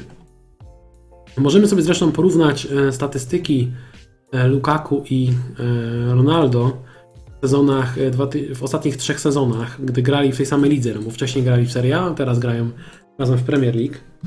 E, I pokażę Wam na tym tutaj wykresie, e, o czym mówię. Zobaczcie, jeżeli chodzi o expected goals, liczbę strzałów i liczbę bramek, tutaj zdecydowanie przeważa e, Ronaldo. Natomiast jeżeli chodzi o kluczowe podanie, expected assist i liczbę asyst, to jednak jest przewaga po stronie Lukaku. Więc jestem ciekaw, jak to się będzie rozwijało. Myślę, że Lukaku jest bardzo dobrą opcją. Jeżeli go macie, to jak najbardziej bym go trzymał w, składzie i jest opcją na opaskę tak naprawdę od 7 do 11 kolejki niemal w każdym e, meczu. Dobra, wracamy do tego progu cenowego Bamforda, bo wiem, że wiele osób ma Bamforda, więc jesteśmy w progu cenowym poniżej 8 milionów. E, I tutaj jest Antonio. Antonio, którego wiele osób sprzedało. Konkretnie 1 700 tysięcy menedżerów go sprzedało przed kolejką piątą. Nawet więcej, bo to jest netto. Podejrzewam, że część osób go kupiła, nie wiedząc, że nie zagra. Potem jak zobaczył czerwoną kartkę w meczu z Southampton, nie zagrał w meczu e, z United, ale teraz, teraz mecze z Leeds, Brentford, Evertonem, Tottenhamem i Aston Villą. To nie jest najgorszy e, kalendarz. Leeds jest, e, ma zdziesiątkowaną defensywę. Brentford póki co broni dobrze, aczkolwiek to jest jeszcze dosyć mała próbka i mieli dosyć łatwy kalendarz. Później Everton, który broni raczej słabo, Tottenham, który póki co broni słabo i Aston Villa, która też w tej defensywie nie zachwyca, więc to nie są super łatwe mecze, ale to są mecze, w których Antonio jest w stanie zrobić e, punkty, jest w stanie strzelić w każdym z tych spotkań moim zdaniem. Mm, No i co? Antonio, tutaj przede wszystkim warto zwrócić uwagę na to, jakie ma e, statystyki. Bo Antonio, jeżeli utrzyma tę formę, e, którą miał w pierwszych czterech meczach, no to jest naprawdę wybitną opcją do składu. 18 strzałów, 7 kluczowych podań. E, Expected goals 3,5, expected assist 1,48. e, Więc te 4 gole i 3 asysty nie wzięły się z, z kapelusza. E, Jeżeli Antonio będzie grał na takim poziomie, to będzie naprawdę grubo punktową i będzie promocją w tej cenie 7,9. Szczerze, jeżeli ktoś ma Bamforda, nie ma Antonio, to moim zdaniem podmianka Bamforda na Antonio jest bardzo rozsądna. Natomiast jeden taki mały, bardzo mały znak zapytania, żeby nie było na zasadzie coś tam myślałem, ale nie powiedziałem, to wam powiem. Antonio w meczu pucharowym z United y, nie znalazł się w kadrze meczowej, a była informacja, że może zagrać nawet w pierwszym składzie. Ostatecznie go nie było w kadrze meczowej, mimo że udał się do e, Manchesteru na ten mecz z Manchesterem United. I, więc w teorii wszystko powinno być z nim ok, prawda? Skoro, skoro pojechał na ten mecz. Natomiast doświadczenia z Antonio i jego, e, z jego kontuzjami sprawiają, że mam drobne, ale dosłownie drobne obawy co do tego, czy aby na pewno Antonio jest w 100% w formie, bo na logikę, jeżeli Antonio nie zagrał w weekend, to w sumie nic nie stało na przeszkodzie, żeby znalazł się w wyjściowym składzie na mecz pucharowy w środku tygodnia, albo chociaż na ławce rezerwowych, a on na tej ławce się e, nie znalazł, więc jest to troszeczkę zastanawiające. Dlatego nie ukrywam, że z podmianą Bamforda na Antonio poczekam do soboty. Dlaczego mogę poczekać do soboty? E, Po pierwsze, Bamford e, mogę go sprzedać za 7,9, ale jego aktualna cena to 8 milionów, więc nawet jeżeli spadnie raz z ceną, to mnie to nie zaboli.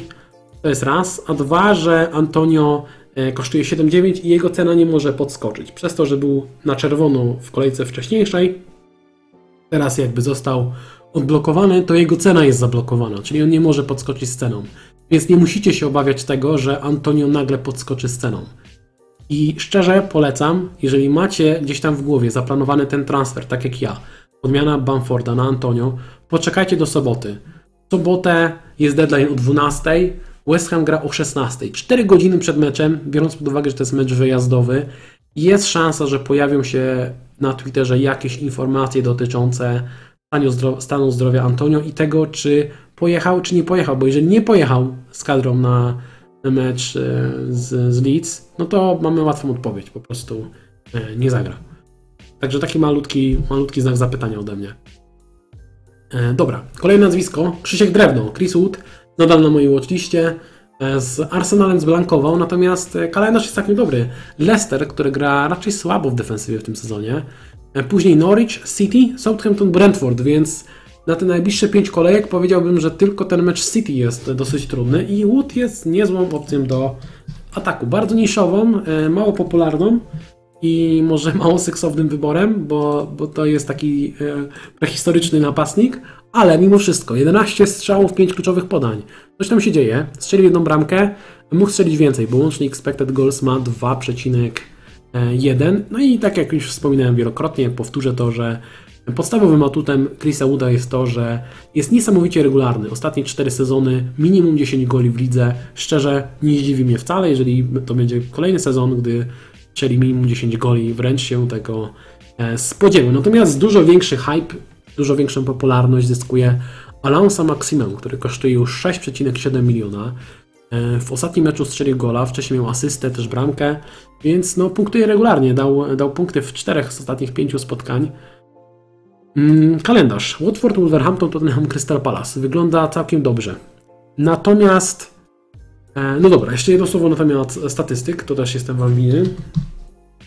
Cały maksimum w tych e, pięciu meczach miał 11 strzałów i 11 kluczowych podań. Łączny expected goals 0,82, expected assist 1,39, więc te dwa gole i dwie asysty są troszeczkę naciągane, patrząc na jego statystyki expected goals i expected assist. Natomiast jakie mam, jakie mam obawy związane z, z Sam Maximeną i generalnie z Newcastle? Newcastle to jest drużyna, która zawsze wygląda dobrze, gdy gra z kontry. To jest e, pierwsza rzecz i troszeczkę obawiam się, że w takich meczach jak na przykład z Watfordem czy z Crystal Palace, to są mecze wyjazdowe, więc jest szansa, że pograłem z kontry, Natomiast e, mogą mieć mniej e, sytuacji i sam Maksymilian może mieć nieco mniej e, swobody. To jest e, pierwsza rzecz. E, druga rzecz, szczerze, sam Maksymilian w zeszłym sezonie był pomocnikiem, który kosztował 5,5 miliona i e, prawie cały sezon nikt go nie brał pod uwagę. Na starcie sezonu był opcją, ktoś, wiele osób go miało no, przez pierwsze dwie kolejki, później doznał kontuzji, większość go sprzedała i już nigdy do składów nie, nie wrócił. I szczerze mówiąc, to nie jest przypadek, bo to nie jest gość, który jest e, regularny. Mamy go w Premier League już trzeci sezon i wcześniejsze sezony to były 3 gole, 4 asysty oraz 3 gole, 4 asysty. Niesamowita regularność, ale w tym złym tego słowa znaczeniu. E, co prawda, teraz e, jakby no, przez to, że nie ma Wilsona, jest centralną postacią tych ataków Newcastle, ale nie zmienia to faktu, że nadal ten zawodnik mnie do końca nie przekonuje. Choć patrząc na ten kalendarz jak najbardziej w najbliższych czterech kolejkach e, może dać, e, może dać fajne punkty, więc nikogo nie powstrzymuje. Kto wie, może jeżeli Antonio wypadnie, to sam wezmę sam Maximena, nie mam pojęcia, muszę to przeanalizować. Natomiast e, natomiast nie jestem do niego w 100% przekonany. Natomiast bardzo podoba mi się Ivan Toni. E, bardzo dojrzały zawodnik, w sensie on jeszcze kilkanaście miesięcy temu grał w League One, a wygląda jakby grał już, y, nie wiem, piąty albo szósty sezon w Premier League. Gra naprawdę dojrzale, jest bardzo, bardzo pożyteczny na boisku. Do tej pory dwie, dwa gole, jedna asysta. Myślę, że jest w stanie w tym sezonie strzelić 15 e, bramek z taką grą swojej drużyny i z takimi występami, jak pokazuje na boisku. Problem oczywiście jest kalendarz. Liverpool, West Ham, Chelsea, Leicester, więc to nie jest najlepszy wybór na najbliższe cztery kolejki, albo też te trzy. Niech już, niech chociaż miną te mecze z Liverpoolem i z Chelsea. Natomiast jeżeli ktoś ma go w składzie, to nie widzę powodu, żeby go, nie widzę powodu, żeby go sprzedawać, bo pomimo tego, że spadł z ceną, to no, stwarza zagrożenie pod bramką rywali i, i daje spoko punkty jak za, jak za, ten, e, za, to, za tę cenę. 12 strzałów, 7 kluczowych podań. Naprawdę przyzwoicie. Do tego Tonej ma rzuty karne, więc e, nawet w meczach z tymi trudniejszymi rywalami przecież może być podyktowany rzut karny. Tonej może coś strzelić. A, a Brentford gra dobrze, więc nie zdziwi mnie to jakoś szczególnie. To jest ciekawa opcja w tym progu cenowym w okolicach 6,5 miliona. Teraz ten najniższy próg cenowy, czyli 6 milionów lub w dół. Pierwszy to jest Adam Armstrong z, z Southampton, który ma już gola, ma asystę i kalendarz teraz świętych wygląda dużo lepiej. E, jest, jest mecz z Wolverhampton, Chelsea, Leeds, Burnley, Watford, Aston Villa, Norwich. Tylko jeden trudny mecz tak naprawdę, Chelsea, bo nie ufam defensywie Wolverhampton ani defensywie Leeds na ten moment. E, tym bardziej tym pozostałym na, na rozkładzie. I Armstrong jest moim zdaniem ciekawą opcją w tej cenie e, w, za te 6 milionów. Zaraz Wam pokażę jego, e, jego statystyki. O ile przestanie mnie trollować Understat. Do tej pory w tych meczach, które rozegrał w tych pięciu spotkaniach, Adam Armstrong oddał aż 16 strzałów i do tego dorzucił 3 kluczowe podania. Więc widać, że to jest zawodnik, który lubi strzelać. Łączny expected goals 1.35 pokazuje, że to nie zawsze były strzały z dogodnych sytuacji. To też widać na, na mapie, którą teraz widzicie. E, niektóre sytuacje to były gdzieś tam no, z dosyć ostrego kąta, można powiedzieć, z bocznego sektora boiska.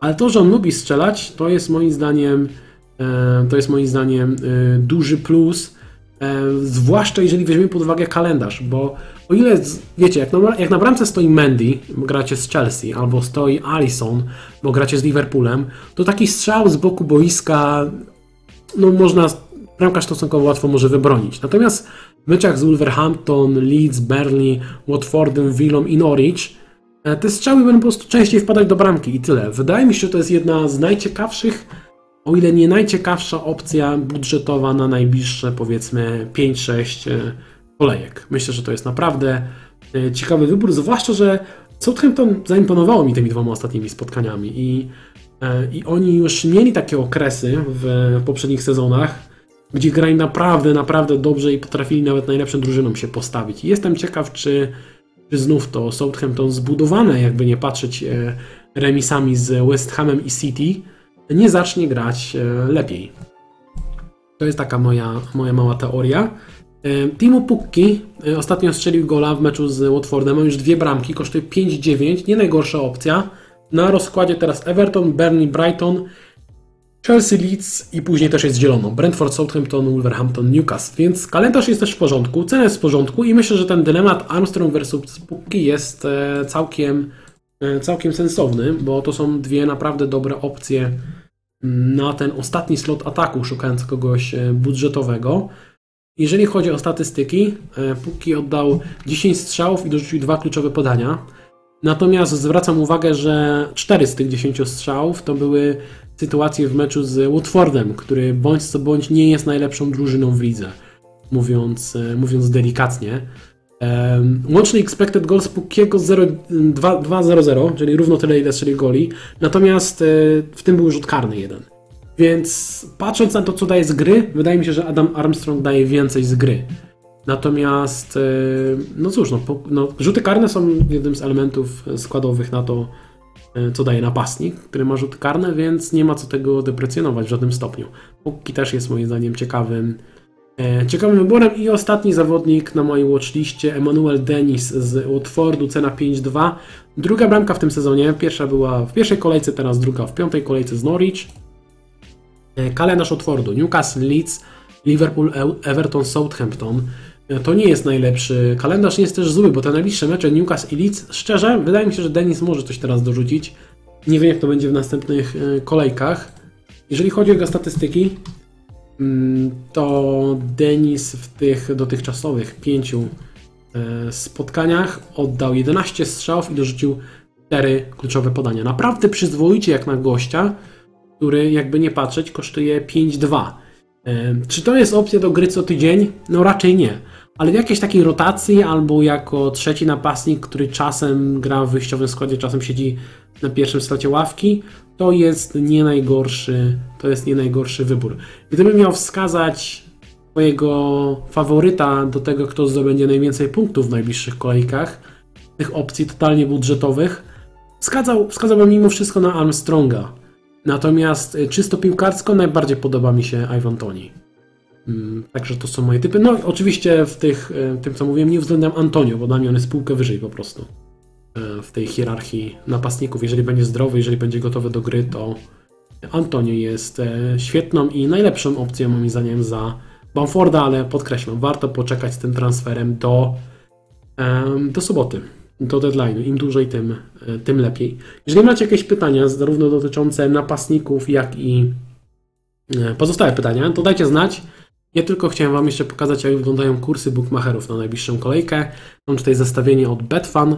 Największe szanse na czyste konto ma Leicester, aż 50%. Liverpool 48, Everton 47, United 47. To są cztery ekipy, które mają największe szanse na CS, a najmniejsze ma Aston Villa, Brentford, Norwich i Burnley. Więc szukając kapitana powinniśmy celować w te cztery e, defensywy. Jeżeli chodzi o szansę na strzelenie gola, tutaj zdecydowana przewaga Ronaldo, aż 61%. Drugi jest Salah i szczerze, gdybym miał wybierać kapitana, dla mnie też numer jeden to jest na ten moment Ronaldo, ale gdybym nie miał Ronaldo, to dałbym opaskę Salahowi. E, Trzeci na liście jest Wardi, taka opcja bardzo, e, bardzo niszowa na, na opaskę też nie najgorszy wybór moim zdaniem na tę e, kolejkę. No i zapytałem oczywiście Was na Twitterze, kto jest Waszym zdaniem najlepszym kapitanem na najbliższą kolejkę i tutaj ponad 58% głosów na e, Ronaldo, e, prawie 26% na Salaha, e, ponad 14% na Antonio, więc wiara w Antonio jest naprawdę duża i tylko niecałe 2% poszuka różnicy w bardziej niszowym wyborze. Szczerze, ja bym nie radził szukać jakiejś większej niszy. Ronaldo i Salah to są naprawdę bardzo, bardzo solidne wybory na opaskę na, na tę kolejkę. Dobra, przechodzę do. E, Aha, wiem, jeszcze jedna rzecz. Prawie bym zapomniał. Przecież analizowaliśmy sobie e, trendy transferowe w tym sezonie, więc jeszcze jedno słowo na ten temat.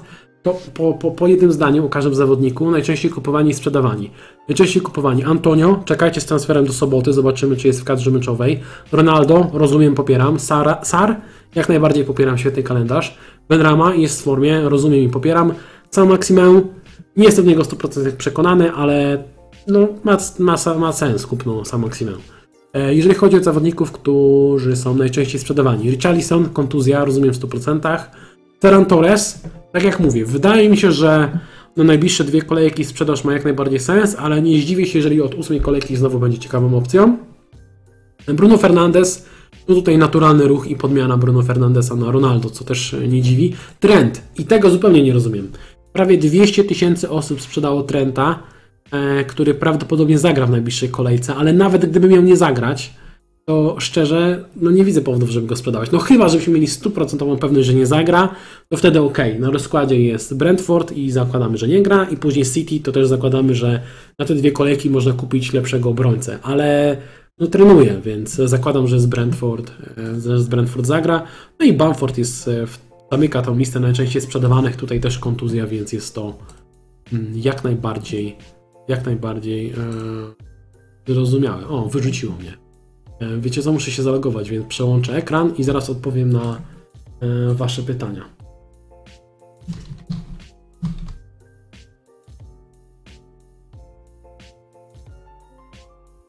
Dobra. E, Jesteśmy. Już czytam. E, Macie Junio, ekspert od e, Championship, pisze, że jego zdaniem Armstrong jest lepszy od Tonaja, jeżeli chodzi do dochodzenie do sytuacji bramkowych. Tak, zgadzam się. Armstrong wygląda mi na takiego gościa, który typowo szuka gola, typowo szuka strzałów, natomiast Tonej jest lepszym zawodnikiem, takim all-round pla- playerem, w sensie daje więcej drużynie moim zdaniem. Ale pod FPL-a na ten moment bardziej podoba mi się Armstrong. E, Crystal Palace ma fajny kalendarz, może warto kogoś stamtąd dziabnąć. E, Zaha mi się podoba i podoba mi się Gallagher. Bardzo podoba mi się Gallagher, zwłaszcza, że za 5-6 to jest e, stosunkowo małe ryzyko przy tej cenie. E, Czy Rondon za Bamforda może się spłacić przy minus 4 w tej kolejce? Ewentualnie wszedłby mi Sissoko z ławki, jeżeli zagra. E, no nie brałbym Rondona za minus 4 punkty, tak to ujmę. Nie masz pewności, że na, na 100% zagra. I no raczej nie ryzykował. Raczej bym nie ryzykował, szczerze mówiąc. Zdublowanie Watfordu Sar plus Denis i potem na od ósmej kolejki dzika karta, czy to ma sens? Wiesz co, no patrząc na te najbliższe mecze, czyli właśnie z Newcastle i Leeds, to się może opłacić. Jeżeli jesteś w 100% pewien, że zagrasz dziką kartę przed ósmą kolejką, to, to może być ok. Pewnie, czemu nie? Um, na jedną kolejkę ktoś za Toneja. Dennis King, a może Gordon. Chyba miał być Rondon, tak? A nie Gordon. E, za Toneja szukasz opcji, czyli właśnie ten próg cenowy do 6 milionów. Jak patrzę na ten kalendarz. No możemy wziąć tego Armstronga. Możemy z nim zaryzykował z tym Wolverhampton nie wiem, jakoś mam do niego, mam do niego jakąś taką czutkę. W sensie lubię zawodników, którzy oddają dużo strzałów i on oddaje dużo strzałów i myślę, że z samego takiego z, jakby z ilości tych strzałów musi paść duża liczba bramek w sezonie. Jeżeli będzie zdrowa. Dennis King, no Dennis to nie jest zły wybór na jedną kolejkę na w meczu z Newcastle. Dennis jest w porządku, też mi się podoba. E, King i Rondon nieco mniej. W sensie Rondon jest takim szalonym wyborem trochę, chociaż Mecz z Norwich. No, za darmowy transfer, czyli nie za minusy. I na jedną kolejkę. No może, ale no, to jest taki wybór na zasadzie, ja chcę, żeby rywale z tymi ligi złapali się za głowę, nie? I to może się udać. Rudiger czy Trent na najbliższe 5 kolejek? Trend. E, czy jest sens trzymać Jimeneza jako trzeciego do, terce, do tercetu e, CR7 i Lukaku? Myślę, że jest. Jeżeli w sensie jeżeli bardzo potrzebujesz uwolnić kasę, to widzę sens w podmianie, podmianie Jimeneza na Armstronga na przykład, bo wtedy uwalniasz e, prawie półtora miliona, dzięki czemu na przykład możesz sobie z Livramento albo z Williamsa albo innego budżetowego obrońcę, którego masz, e, zrobić sobie Rudigera albo, e, albo Alonso. Więc widzę sens w podmiance, jeżeli wykorzystasz tę kasę. Natomiast jeżeli nie potrzebujesz kasy, to chyba Jimeneza można spokojnie na razie trzymać, jeżeli ci się nie pali w padzie. Antonio wybo najlepszym wyborem za Bamforda polecam Robert Makłowicz. Ja się zgadzam panem Robertem. Pozdrawiam, miło, że pan wpadł. Jakie masz rady, sugestie, zalecenia odnośnie kiedy grać bench boosta? W podwójnej kolejce zaraz po dzikiej karcie. Spokojnie, czyli w skrócie na razie trzymaj. Nastanie taki moment, w którym bardzo pojawi się dużo materiałów na temat tego, że hej, to jest dobry moment na dziką kartę, żeby później zagrać bench boosta, więc pod koniec sezonu, pod koniec sezonu. Kowacić opcja, jeżeli chodzi do tych zawodników do 5-3 miliona, czy jest coś bardziej obiecujący? Szczerze, ten Kowacić mnie nie przekonuje. To jest jakby, wiem, że już mówiłem to wcześniej, on znowu dał punkty z przodu, więc brzmi trochę jak clown. E, już nie wspomnę o swoim głosie. Natomiast to nie jest gość, który regularnie daje punkty z przodu. Ma 8 goli i 5 kluczowych podań w tym sezonie, zaskakująco dużo. Natomiast e, w poprzednich sezonach to był gość, który dawał maks jednego gola, dwie asysty na tej zasadzie.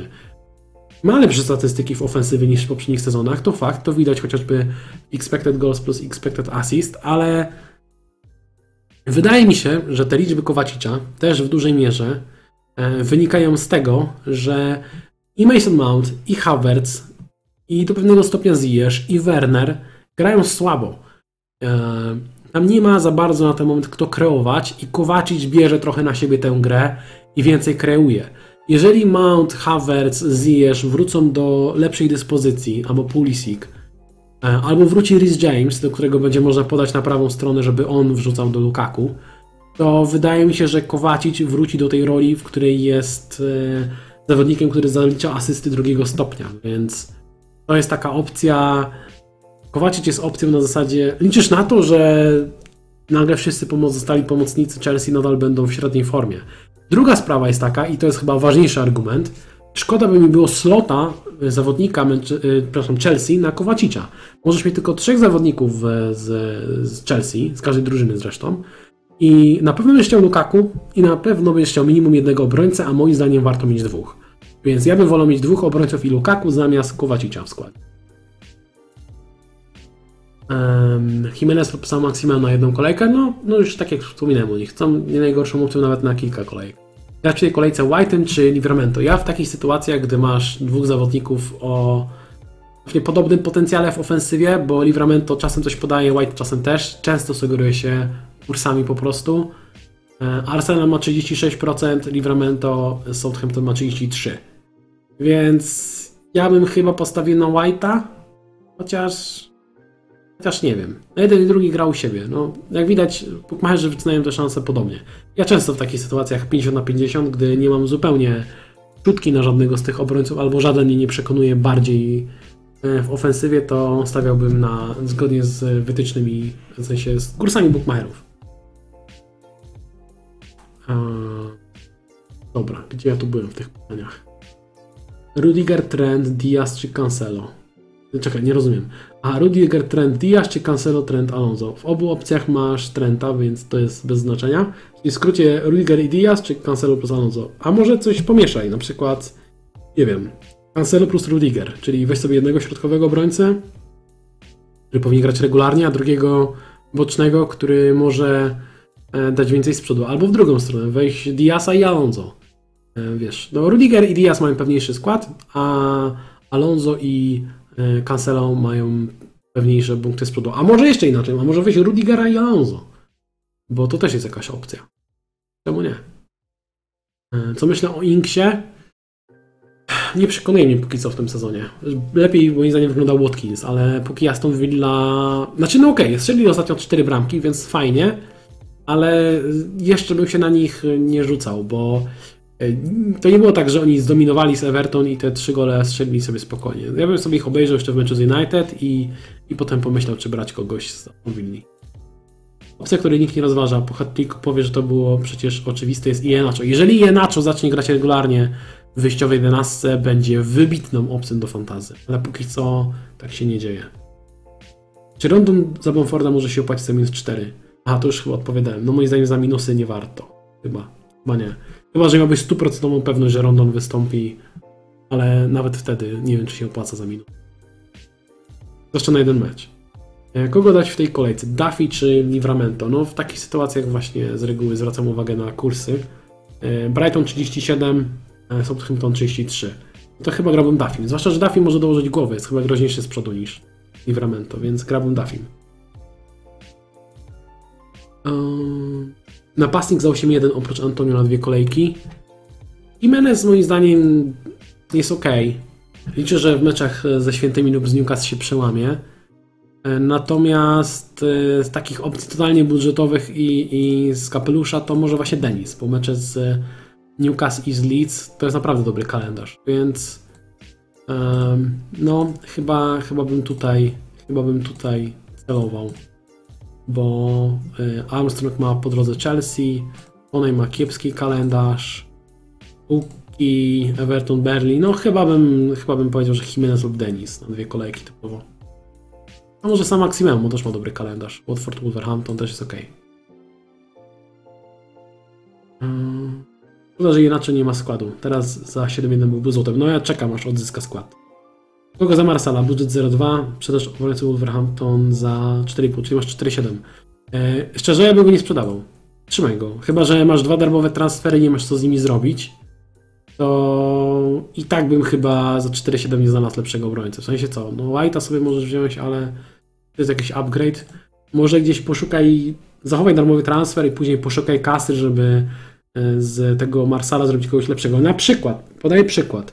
Możesz zachować darmowy transfer, w następnej kolejce wymienić Ronaldo na e, Lukaku, uwolnić w ten sposób ponad milion, e, czy tam równo milion i zamiast e, opcji za 4,7 wziąć sobie Rudigera za 5,6.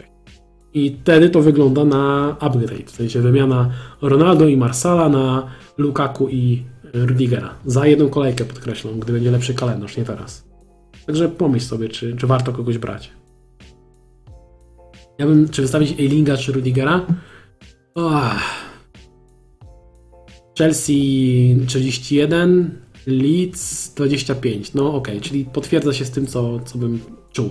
Ja osobiście zawodnika, obrońców drużyn Big Six raczej nie, nie sadzam na ławce. I tak dlatego w tej kolejce zamierzam wystawić i Cancelo i Jamesa, bo nie zdziwi mnie za bardzo, jeżeli będzie 0-0.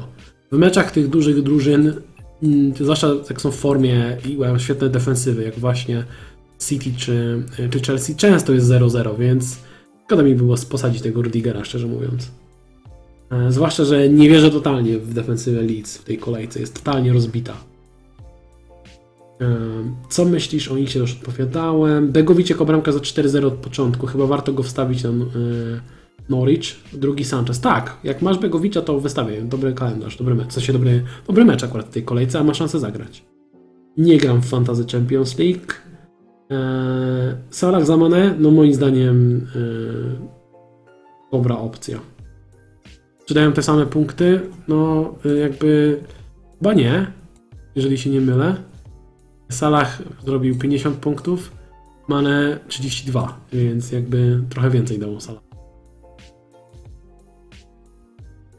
Ym, czy trzymać Watkinsa, czy zmieniać na kogoś innego? Mam Puna w banku, mam Lukaku i Antonio. Myślałem o Armstrongu. Szczerze, ja bym chyba tego Watkinsa trzymał. Ym, on wygląda naprawdę nieźle. Yy, Jeżeli go już masz, w sensie nie kupiłbym go chyba jeszcze teraz, ale jeżeli go masz, on nie wyglądał źle.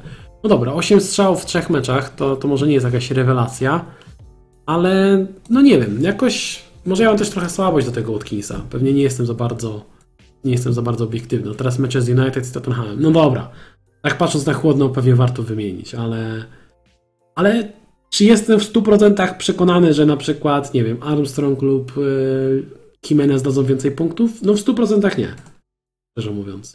Ale no okej, ma chyba sens podmianka, szczerze mówiąc. Zwłaszcza, że biorąc Armstronga za Watkinsa, uwalniasz kasę, to będę się powtarzał, ale powiem tu prawie każdemu. Uwalniasz ponad milion i dzięki temu możesz kupić dodatkowego obrońcę premium, na przykład z Chelsea. To się bardzo przyda w następnej kolejce, więc ja bym kliknął na Twoje miejsce na przykład Armstronga za e, Watkinsa w tej kolejce, żeby w następnej kolejce kupić Rudigera, Jamesa Alonso albo kogokolwiek, albo Cancelo, albo Diasa, zależy na kogo tam zbierasz. No co z Rafinią nie jesteśmy pewni, czy zagra. Takie 50 na 50. Gdybym ja miał obstawiać, to myślę, że zagra, ale, ale nic pewnego. E, Czy Calvert-Lewin wrócił już na ósmą kolejkę? Nie wiem. Dla Ciebie bardziej Gallagher czy Gray? Na najbliższy mecz Gray. Długoterminowo chyba Gallagher. Mm, czy James już ma skład? No, zagrał w meczu pucharowym teraz. Ciężko powiedzieć, czy Reece James będzie grał regularnie. Ja mam nadzieję, że będzie grał. E, Czy Sara biorę pod uwagę? Tak, biorę, tylko że problem jest taki, że on ma teraz dwa dobre mecze, a ja nie mam jak, gdzie i jak go wcisnąć na ten moment. A później, gdy ewentualnie mógłbym go wcisnąć, to robi się gorszy kalendarz, więc chyba trochę przegapiłem tego Sara i nic z tym nie zrobię za bardzo. Co niż o zachowaniu transferu w następnej kolejce Bamford i Jota out, Lukaku i ktoś za 4,5 miliona w to miejsce.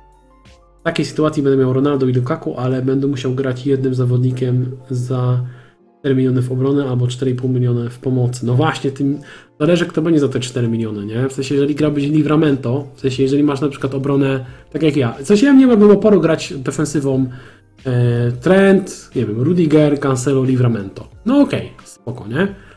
Albo jakiś tam Duffy, jeżeli utrzymał skład. Natomiast jakbym miał już grać Brandonem Williamsem co kolejkę, albo Sissoko, to już nie wygląda aż tak dobrze. Ale no jest to jakiś pomysł. Jest to, jest to niegłupi pomysł. Może sam powinienem coś takiego rozważyć. Teraz dałeś mi do myślenia w sumie. Może sam powinienem zrobić dokładnie to, co proponujesz, czyli e, zostawić sobie Bamforda, wystawić Livramento e, i w następnej kolejce wcisnąć Lukaku i nie stać mnie na pomocnika za 4,5 miliona. Może i to i dobrze. Bo znając życie, e, podjąłbym złą decyzję. A tak przynajmniej nie muszę mieć wyboru. Mam Rzotę Greenwooda. Kogo w pierwszej kolejności wymienić? E, W tej kolejce ani jednego, ani drugiego bym nie sprzedał. Powiem tak. Bo jeden i drugi jest niezłą opcją na jeszcze najbliższy mecz, tak mi się wydaje. No, czyli taki myślałem. No to ten Livramento to nie jest jakiś najgłupszy wybór. Czy Mendy z Chelsea zagra w następnej kolejce i kogo lepiej wystawić? Mendy'ego czy Sancheza? E, nic pewnego, czy Mendy zagra. A kogo lepiej wystawić? Eee, chyba Sancheza. I patrząc po odsach bookmacherów, no tak, chyba Sancheza bym. 37 kontra 31 to jest duża różnica e, w odsach na, na CS-a.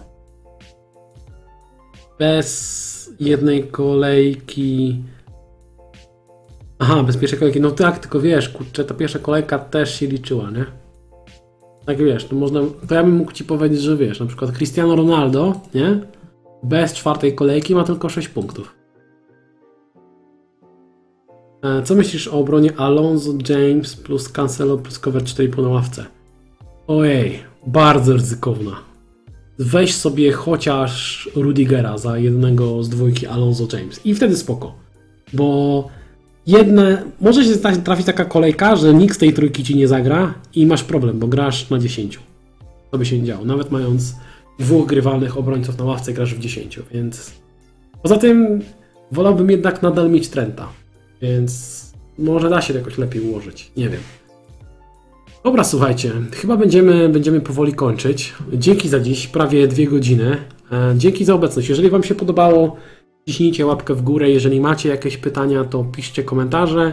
Jeżeli jeszcze nie subskrybujecie kanału, to zachęcam do subskrybowania i do włączenia sobie dzwoneczka, żeby mieć powiadomienie przy każdym streamie.